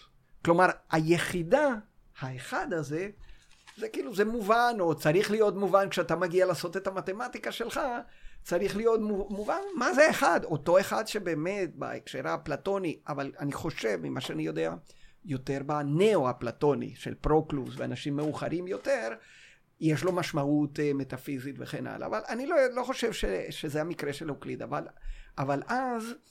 Um, uh, המספרים הם דווקא לא האחד. עכשיו, הדבר המעניין שאני יכול לספר לך על זה, זאת אומרת, אחד זה היסוד ש... כן. שממנו אתה בונה מספרים. בדיוק.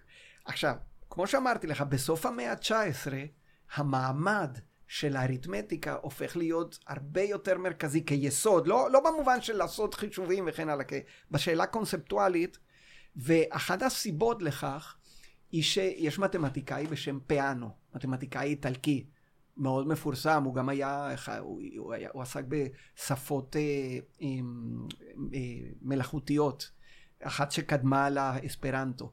הוא, הוא, הוא איש מאוד מעניין. והוא אה, הגדיר לראשונה את המספרים באופן אקסיומטי, את המספרים הטבעיים. זאת אומרת, מה, ש, מה שאוקליד עשה עבור הגיאומטריה, 300 לפני הספירה, הוא עושה ב-1875, אני חושב, או מה ש... יש כמה גרסאות, אבל זה לא כזה חשוב. והוא אומר את הדבר הבא, אריתמטיקה לא עוסקת בכלל בכמויות, היא עוסקת בסדר. Hmm. מהי, מהי, אני אגיד את זה במילים, אבל אפשר לנסח את זה ב, ב, ב, בצורה מאוד מוצרנת וברורה. הוא אומר ככה, בס, ב, ב, בסדרה, מה זה סדרת המספרים? סדרת המספרים זה משהו שיש לו עוגן, ומה שמאפיין את העוגן, שום שום דבר שבא לפני העוגן. אחר כך יש לך משהו שבא אחרי העוגן, משהו שבא אחרי העוגן, שמה שמאפיין אותו זה שהוא הדבר המיידי שבא אחרי העוגן. אנחנו קוראים לזה מספר שתיים. לא בגלל שזה מייצג שני תפוחים ושני שתי אבנים, אני, לא.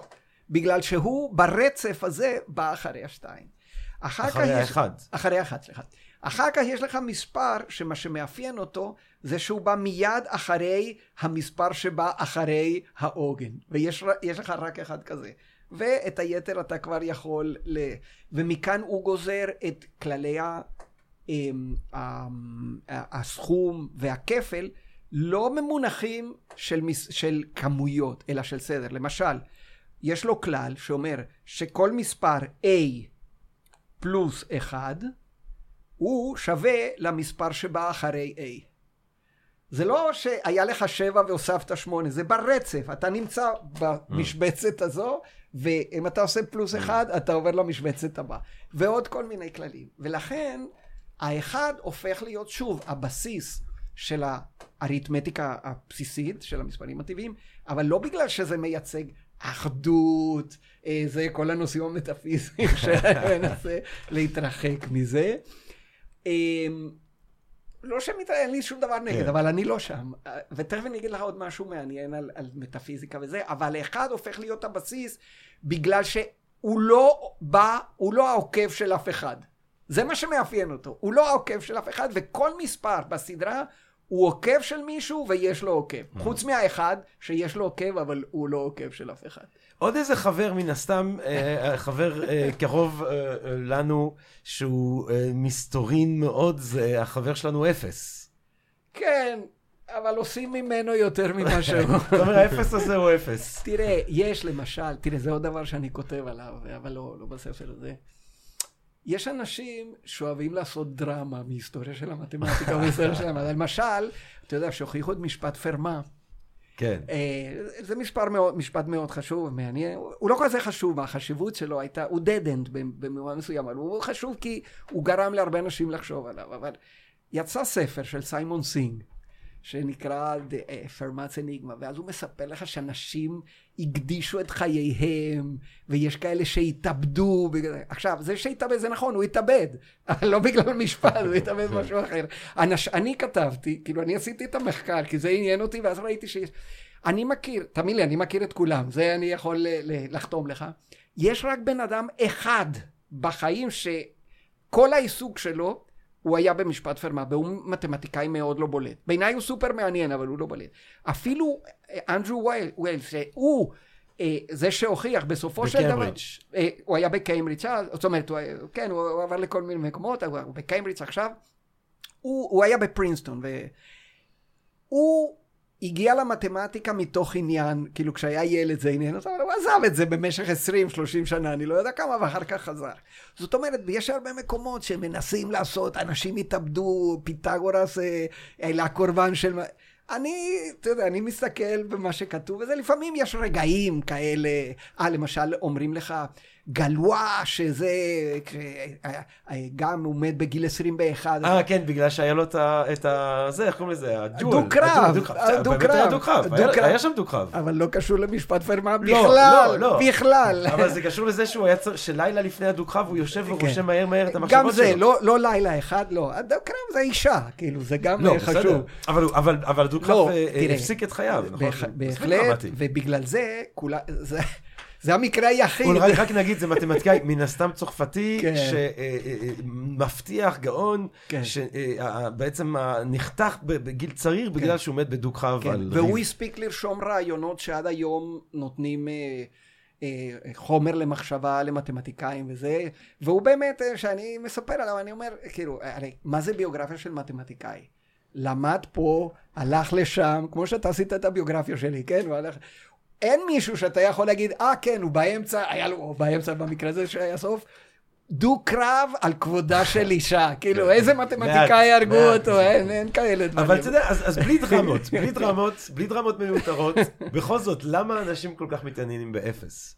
אה, אולי מה ההיסטוריה של האפס? סליחה, סליחה. כן. אז יש איזה ספר שנקרא Zero, The Story of a Dangerous Idea, אוקיי? אז כאילו אתה... In a world, כן, world. אתה, אתה קורא את הספרים שלי, The History of this, The History of Numbers, שם הייתי מאוד נועז, שלקחתי את השם של אה, אה, הוקינס ושמתי...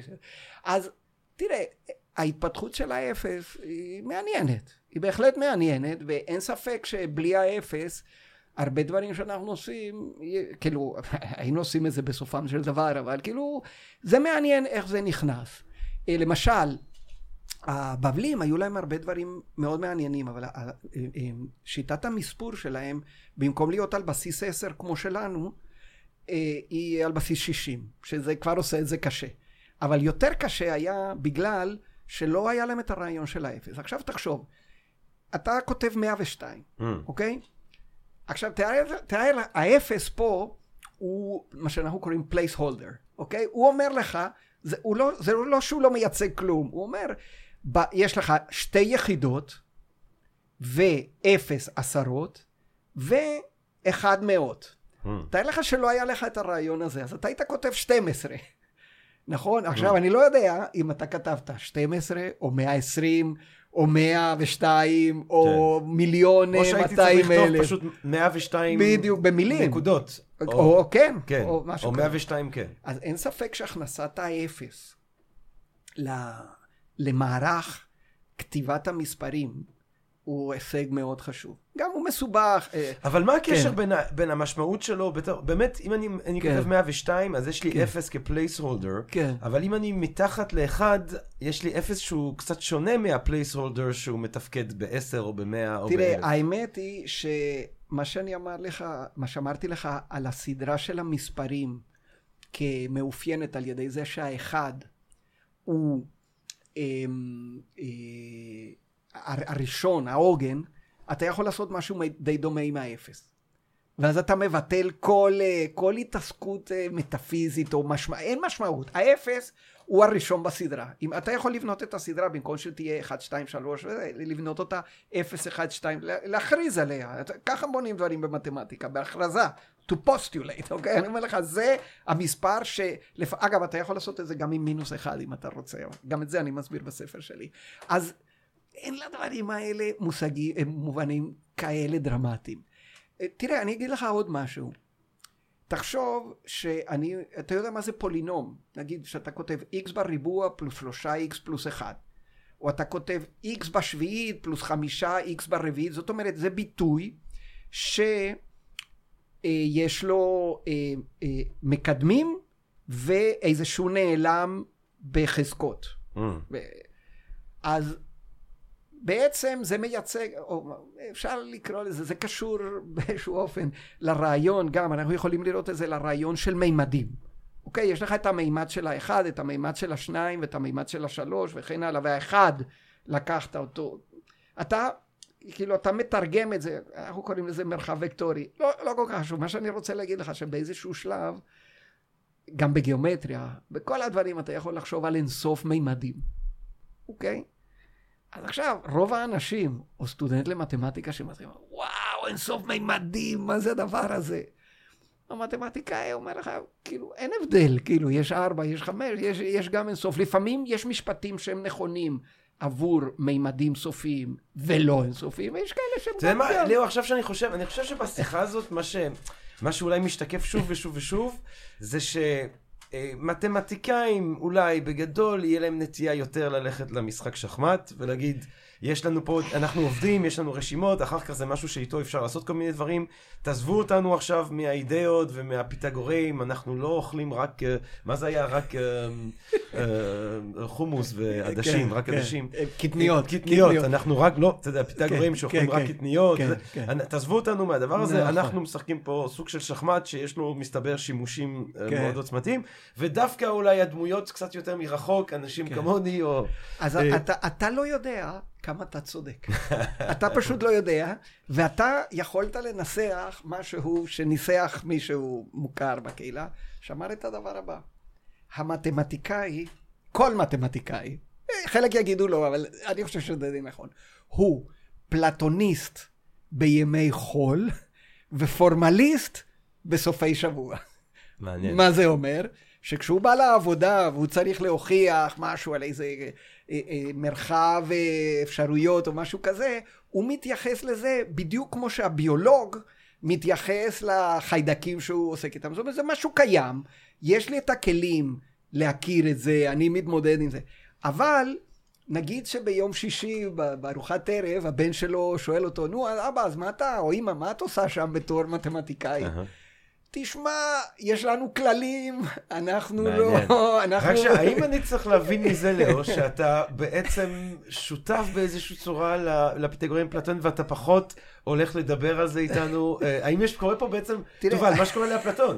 אולי לאו יצא מהמערה, והוא עושה בדיוק כמו אפלטון, הוא לא מדבר איתך ואיתי, אנשים שנמצאים עוד עמוק במערה, הוא לא רוצה לחשוף את הסודות אז שבחוץ. אני אגיד לך ככה, תראה, אני אומר, תמיד בקורס שלי בפילוסופיה של מתמטיקה, שיש דבר אחד שאנחנו יכולים להגיד בצורה מאוד ברורה באופן היסטורי, ואפשר להגיד את זה יותר על המתמטיקה מאשר על כל תחום ידע אחר, שהשאלות הפילוסופיות, מטאפיזיות, אפיסטמולוגיות, מה שאתה רוצה, עם השנים, בהתפתחות הזאת של המתמטיקה, נגיד של אלפיים שנה, אם אתה רוצה לקחת, אתה- הלכו ונטמעו אל תוך הטכניקה. Hmm. בגלל זה אני, אם אתה שואל אותי מה זה המספרים, אז אני מוציא לך את, הפ, את האקסיומות של אה, פיאנו, וזהו, וזה זה נגמר הסיפור. אבל תמיד, זאת אומרת, אם היה מרחב גדול כזה, הוא הלך, הלך והצטמצם, ופינה דרך לטכ, לתשובות טכניות, שהולכות ומניחות את הדעת, פשוט. אתה כאילו, אתה לא צריך... אתה, אתה, שואל מה זה מספרים, הנה, יהי איקס, מספר כזה וכזה, אתה אומר, אתה לא צריך כן. אה, זה.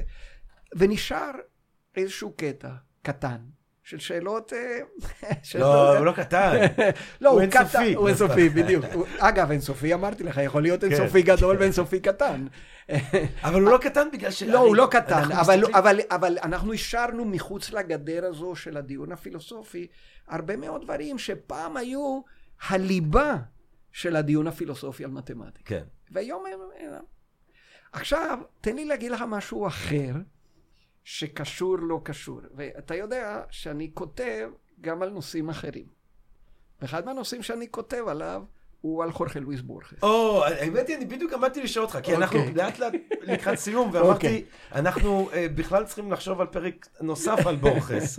אבל בוא, בוא, אבל אני אקשור וגם תסביר לך. את ה... את ה- כן. אתה בימים האלה ממש מפרסם. כן, נכון, אני אדבר על הספר שהתפרסם לאחרונה. אבל אני מאוד אוהב דברים אחרים חוץ ממתמטיקה, כן. והיסטוריה של המתמטיקה. כמו שאמרת, מוזיקה זה דבר מאוד מרכזי, אבל על זה לא נדבר. אה, נדבר קצת בספר החדש הזה שאתה מדבר עליו, אבל כשהזכרת, אני מדבר עליו, אתה הזכרת אותו. אה, בורכס. בורכס.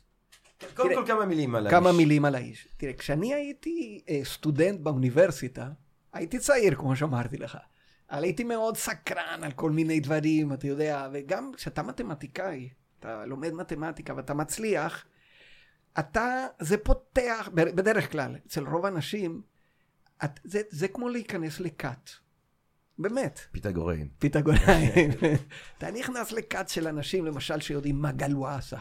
איך גלואה הוכיח שפולינום בדרגה חמישית, אין נוסחה כללית עבור לפתור אותו, ואני גם יודע למה. וואו, זה דבר, תשמע, אני הייתי בן 19 שלמדתי את זה. אני אמרתי, כל החבר'ה פה ברחוב מסתובבים, לא יודעים מה גלוע אמר, אני כן יודע, ואני יודע אפילו להוכיח את זה. אז זה, זה פותח לך, עכשיו, יש אנשים שנשארים ככה קצת, אבל אני, היו כל מיני דברים, גם באוניברסיטה שלמדתי בה בוונצואלה, היו לנו, הייתה לנו חובה, שהייתה אוניברסיטה טכנולוגית מדעית, אבל הייתה לנו חובה ללמוד מדעי הרוח. לא דיברנו היום על מדעי הרוח, זה גם נושא בפני עצמו. ואני, זה הביא אותי להכיר חלק מהסופרים הלטינו-אמריקאים הגדולים, וגם כאלה שפחות גדולים ולא פחות טובים.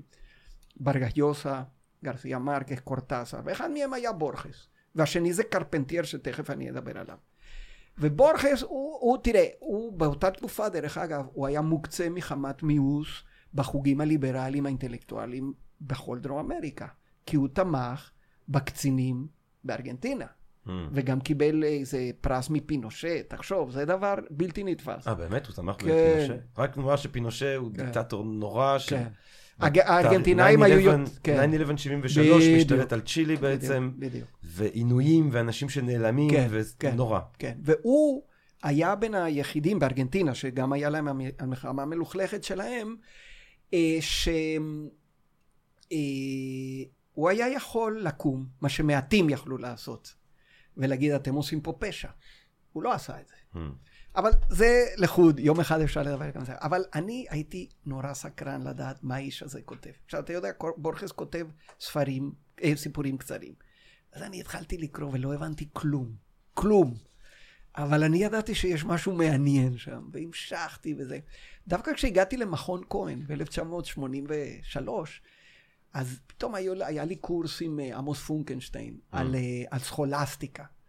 ואז הוא אומר משהו על איזה סיפור של בורכס שבעצם לוקח רעיון מהפילוסוף פטרוס דמיאנוס ששאל האם ההיסטוריה, האם אלוהים הוא עד כדי כך כל, כל יכול, שהוא יכול לשנות את ההיסטוריה גם לאחר שהיא כבר התרחשה ועוד כל מיני. ואז חזרתי לבורכס, אבל אני כבר עכשיו, כבר אני יודע משהו על פילוסופיה. והתחלתי לקרוא וזה. וזה, וואו, זה פתח לי עוד פעם עיניים. אז, ואז באיזשהו שלב כתבתי את הספר הזה שיצא באוניברסיטה משודרת. אני חושב שזה אחד מהספרים הכי נקראים שלי. לא מיליונים, אבל לא המאות שקוראים את אה, מה שאני כותב במקרה הטוב, אה, אולי לפעמים פחות. אה, וכאן אני יודע שזה ספר בעברית, שהוא באמת היה מוצלח. ומהו הספר? הספר הוא נקרא עולמו הספרותי של חורכה לואיס בורכס. ובו אני מנסה לעבור על כל הנושאים שבהם הוא עוסק, על, ה, על, ה, על הגישה האסתטית שלו. עכשיו, למה, זה נושא בפני עצמו, אבל יש נקודה אחת מעניינת שמתקשרת עם מה שדיברנו.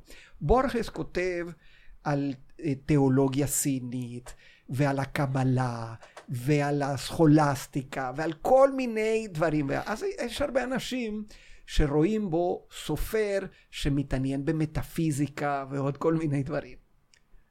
מה אני חושב על בורכס? הוא מתעניין במטאפיזיקה, אבל לא על מנת ל- להכריע בשאלות מטאפיזיות, אלא כבסיס לכתיבת סיפורים. Mm. וכדי למצות את, ה, את הפוטנציאל האסתטי שיש ברעיונות. פה ושם הוא כותב על מתמטיקה, אז יש כאלה, יש ספרים עבי כרס כאלה שאומרים בורכס והמתמטיקה. הוא היה מומחה גדול בתורת הקבוצות וזה. גם, אני, אני יודע בוודאות, וגם תיעדתי את זה, כמה שהוא לא ידע מתמטיקה, אבל מה שהוא כן ידע, כמו אף אחד, זה, זה לקרוא משהו מתמטי, פחות או יותר להבין אותו, ולכתוב על זה סיפור יוצא מן הכלל. Hmm. ולמשל, הקבלה, אתה יכול לקרוא, הוא התעניין בקבלה, הוא התעניין מאוד, אבל לא בגלל שהסיפורים של הקבלה וזה, כי בגלל רעיון אחד, שהוא מפתח בהרבה מקומות. והרעיון הוא, הוא לא קשור ישירות לקבלה, או בלבד, אתה תתקן אותי, והוא שאלוהים כותב ספר ואז בורא את העולם. Hmm. זה בשביל בורכס, זה הרעיון האולטימטיבי. הוא אומר, וואו, כי העולם שלו הוא של ספרים. כשאני כותב, עולמו הספרותי של בורכס, לואיס לא, בורכס מתכוון לא רק על הספרות שלו, אלא על העולם שלו. העולם, העולם הוא ספרותי. הוא ספרותי, הוא לקוח מספרים, אוקיי? מעניין. זאת אומרת, כל האינטרפרטציה שלי על בורכס, ואני כתבתי על זה וגם פרסמתי, לא יותר מדי, אין לי זמן לכל כך הרבה דברים, אבל זה להראות איך הוא מתעניין בשאלות מה זה לקרוא. מה זה, מהו תפקידו של הקורא, בין אם הוא קורא ספר מתמטי ובין אם הוא קורא ספר מטאפיזי. מה המושג שאני למדתי אצלו, כאילו, או ככה אני הבנתי אותו, ובעיניי הוא נהדר, שזה מה שהוא קורא המעשה האסתטי. מה זה המעשה האסתטי? הוא אומר, או המהלך האסתטי, תלוי איך אתה תרצה לראות את זה, הוא אומר כזה דבר, כשאתה מסתכל על שקיעה, או כשאתה קורא, או אתה שומע מוזיקה, או, הוא לא אמר את זה, או אתה רואה הוכחה מתמטית יפה, יש משהו שאתה לא יכול לסכם במילים. אומר את זה אומן המילים. או, או. אומן המילים אומר לך, הוא כל הזמן מדבר על מגבלות השפה, הוא התבסס על לוק ועל מאוטנר בעיקר, ועל עוד כל מיני אנשים כאלה, והוא אומר, זה המקום של המעשה האסתטי. וס, וסיפור או תורה מטאפיזית צריכים להיות כתובים באופן כזה, כשאתה גומר את זה, אתה יודע שלא הבנת עד הסוף.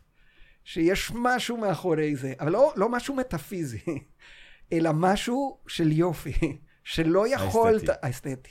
זה הדבר המרכזי, וזה קושר בעיניי בצורה מאוד יפה את, ה, את המהלכים, שלפחות בן אדם כמוני אה, אה, חווה אותם מול הוכחה מתמטית Mm. מיוחדת. אז אתה אומר, אתה אומר בעצם הפליאה. כן. כי אם אפלטון אומר, אה, כן. בתיאטיטוס, כן. או סוקרטס, אה, אפלטון, בפה של סוקרטס אומר שהפילוסופיה מתחילה ראשיתה בפליאה. נכון. אתה אומר, הפליאה הזאת כן. אל מול השלמות של כן. הוכחה מתמטית, כן. הפליאה הזאת אל מול ההרמוניה המתמטית שאפשר לראות אותה במוזיקה ואפשר כן. אולי לראות אותה ביקום כולו, הפליאה הזאת, אפשר, ל... אפשר, אפשר להתייחס אליה האסתטית. זה האסתטיקה. לא חייבים להלביש לה בדיוק, את בדיוק. הכובד המטאפיזי. לא מעניין אותו אם אה, את אה, לאו צה, או אני לא יודע, השמות שהוא מזכיר, או אם צדקו או לא צדקו. זה לא מעניין אותו. צ... מעניין אותו שהם היופי. אמרו משהו יפה. אז גם אני אומר על קאנט, ואני אני לא עד כדי כך, זה, אני בכל זאת, אני מלמד פילוסופיה של המתמטיקה, אז אני צריך להגיד משהו, אבל בגדול, אני אומר, תראה מה עשה קאנט, הוא היה בדילמה מאוד uh, ייחודית ככה, והוא פותר את זה באופן ש... שהוא יוצא מן הכלל, הוא, הוא נכשל, הוא לא טוב, הוא לא עובד, אבל היופי שברעיון הוא פשוט מדהים, אוקיי? וואי, יפה. אז עכשיו אני עובר לספר השני, כי הוא פשוט, אה, הוא, הוא סופר אחר, קוראים לו אלחו קרפנטייר. אלחו קרפנטייר- קרפנטייר היה סופר, סופר קובאני, מוזיקולוג, שהוא חי הרבה שנים בוונצואלה, ובגלל זה גם הכרתי אותו כשהייתי באוניברסיטה, מישהו לימד אותי קורס בלתי נשכח, למרות שזה לפני יותר מ-40 שנה. ואתה יודע, אני תרגמתי כמה ספרים, אה, תרגמתי את ברגהיוסה ועוד אה, כל מיני אנשים פחות אה, מוכרים, אבל כמעט מאז שהגעתי לארץ היה לי בראש לתרגם ספר אחד של אלכו קרפנטייר, שנקרא בספרדית קונצרטו ברוקו. Hmm. ודווקא בתקופת היותי דקאן, שהייתי כל כך עסוק בכל מיני דברים, אבל נסעתי לפני כמה שנים עם אשתי לסנטיאגו קומפוסטלה, טיילנו שם בגליסיה, ואמרתי, עכשיו אני מתרגם את זה. עכשיו, זה, ספר, זה נובלה קצרה מאוד, 80 עמודים מודפסים, והיא עוסקת בשאלה חשובה ביותר עבור אינטלקטואלים לטינו-אמריקאים, והיא השאלה של מה זה התרבות הדרום-אמריקאית, או הלטינו-אמריקאית. הוא תמיד עסק בשאלה הזאת, ויש לו כמה ספרים, אגב, חלקם תרגמו לעברית או תורגמו לעברית מזמן, אבל לא היה להם הצלחה גדולה. אלה ספרים מאוד קשים, וייתכן ששלי לא, גם מספרית לא יהיה לו הצלחה גדולה, אבל אני, אני נור, הייתי נורא נרגש מזה שעשיתי את זה. ומה שקורה, הסיפור הוא כזה, מקסיקאי, עשיר מאוד, בן של מהגרים מספרד, והוא במאה ה-18, נוסע עם השרת שלו לאירופה. והוא מגיע, כי זה היה נוהג כזה שאנשים עשירים חוזרים ואז הם מסתובבים, הוא מגיע לוונציה בתחילת המאה ה-18. והוא פוגש שם את ויוולדי, הנדל וסקרלטי. Hmm. ואז קורים כל מיני דברים, אבל אחד מהדברים שקורים זה שהוא מוזמן לפרימיירה של אופרה של ויוולדי בשם מונטסומה, שמספרת את סיפור הכיבוש הספרדי. וקרפנטר קרפנטר ידע מוזיקה בצורה מטורפת, אבל הוא לא הכיר את היצירה הזאת של, של ויוולדי, ומישהו סיפר לו, ה- היצירה נוגנה לראשונה ב-2004, והוא מת ב-1980. הוא לא הכיר את היצירה, אבל הכיר את העברית. והוא לוקח את זה כבסיס לדיון הזה שאומר, השורשים של התרבות הלטינו-אמריקאית הם באירופה, ילידים ושחורים. זה משהו ייחודי בעולם. אין דבר כזה כל כך חזק הנוכחות של כל הדברים האלה. והוא מפתח את זה כדיון. זה, זה ספר מאוד קשה לקריאה, הוא כתוב בצורה של קונצרט ברוקו, ועם שפה עשירה ביותר. אה, בגלל זה היה אתגר תרגומי יוצא מן הכלל, ואני מקווה שצלחתי אותו כמו שצריך, הרבה, היו אנשים שעזרו ועוד כל מיני דברים. ובעצם הוא אומר לויוולדי, הוא לא אומר את זה במילים, אבל אתם האירופים, אתם לא מבינים מה קרה בלטינו אמריקה כשאתם הגעתם. אתם לא מבינים את זה לא במוזיקה, לא באופן שאתם התייחסתם ועוד כל מיני דברים. אז זה הספר, אני תרגמתי אותו, ואני גם בניתי אתר אינטרנט שיש בו, גם בספרדית, גם בעברית, הפניה כמעט, זאת אומרת, יש הרבה הערות שוליים, זה יצא בהוצאה לאור של אוניברסיטת תל אביב, אפשר להיכנס לאתר שלי, לאו קורי, ויש לינק שם, אפשר לקנות... ומה אה, הכותרת? רק שלא... קונצ'רטו ברוקי. ובעברית? קונצ'רטו ברוקי זה אה, שמרת- בעברית. שמרת את ה... כן, לא, זה אה, בערך, כן, זה קונצ'רטו ברוקי, זה קונצ'רט, קונסיארטו ברוקו בספרדית, ובאתר יש הערות שוליים שמסבירות כל שם שמופיע, יש לינקים ליצירות, כי יש אין סוף יצירות, גם של הברוק, אבל גם של לטינו אמריקה. סלסה, מוזיקה של שחורים, מה שאתה רוצה. אה, טוב, אה, אה, אני חושב שזה, שכל מי שמתעניין בלטינו אמריקה או בתרבות ובקשר בין ספרות למוזיקה, בין אה, אה, אה, ת, אה, תר, איך, איך, נול, איך נולדה והתפתחה תרבות אמריקה לטינית, חייב לקרוא את הספר, לקרוא את הספר הזה, ואני מקווה שבעקבות השיחה הזאת, פשוט שייכנסו לאתר. אבל אומר- על זה אנחנו נוכל לדבר יום אחר, אני אשמח, גם על בורכס וגם על קרפנטייר. תראה, אני לוקח מהדיבור גם על קרפנטייר, אבל בעיקר על מה שאמרת על בוכס, כן. את, ה, את הפליאה אל מול היופי, כן. אה, אל מול היופי הגיאומטרי, האריתמטי, כן. המתמטי הזה, כן. אה, שהיווה השחאה לכל כך הרבה מהגדולים של האומנות המערבית נכון. תקשיב, אה, זו שיחה שבה אה, אני מרגיש בה את הקבוצות ואת האינסוף קבוצות, ואני מרגיש במלון שבו אנשים זזים תמיד אחד קדימה או כפול שתיים. זה ייקח לי אה, זמן אינסופי אולי, רק כדי להקל חלק מהדברים שאתה שיתפת אותנו בהם בצורה כל כך נלהבת ומרגשת ומהפנטת. זה מטורף הדבר הזה, מה אני אגיד לך? אה, אני עדיין מקווה לעבור את החינוך האפלטוני, שזה עשר שנים של מתמטיקה, נכון? אה, זה מה שהוא אומר בספר זין של הפוליטאה. אוקיי. עשר שנים של מתמטיקה, ואז רק אנחנו עושים דיאלקטיקה, אה, כדי לצאת מהמערה. אה, לי יש, אני, אני קשה, יש לי טוב, יש לי את ההרגל המטאפיזי. אני צריך לחשוב יותר כמו בורכס. אה, אני חושב. זה יותר קל גם, אני חושב. לא, לא, קל, לא קל טכנית, אבל כאילו... כשאני פיצחתי את הדבר הזה, הבנתי כל כך הרבה דברים על עצמי, על אה, ספרים, על דברים שאני עושה, ושהלוואי ויכולתי להעביר את זה ליותר אנשים. אז תקשיב, אנ- אנחנו ממליצים בחום על, אה, למי שרוצה לדברים המתקדמים, לכל המאמרים וכולי, אבל מי שרוצה ככה להיכנס, אה, A Brief History of Numbers באוקספורד יוניברסיטי פרס, עולמו הספרותי של בורכס, למי שרוצה את בורכס, את הקונצרטו ברוקי. אה, של אה, קרפנטייר למי שמתעניין בהתהוות של התרבות הלטינו-אמריקאית. אה, פרופסור ליאו קורי, תודה רבה רבה לך. תודה, תודה, היה, היית המרתקת הזאת. פרטנר יוצא, אתה אפילו יותר נלהב ממני, שאני, אתה יודע, בדרך כלל צריכים לעצור אותי, אל תצעק כל כך הרבה, אל תרוץ כל כך הרבה, לא, פה ואתה... צועקים, צועקים, צועקים בכיף פה, ממש צועקים בכיף. אה, ותודה רבה לכם, לקהל הקדוש שלנו כאן בפודקאסט של Think and Drink Different, מקווה מאוד שנהנתם מהפרק הזה, אה, מהפרקים שכבר הקלטנו, מאלה שבעזרת השם נמשיך ונקליט. ומה אני אגיד לכם בינתיים? רק אין סוף. אה, סדרה אינסופית של ברכות. ושל יופי. ושל יופי. רק בריאות, אה, אהבה רבה ונשתמע. תודה רבה. פודקאסט, פודקאסט, פודקאסט.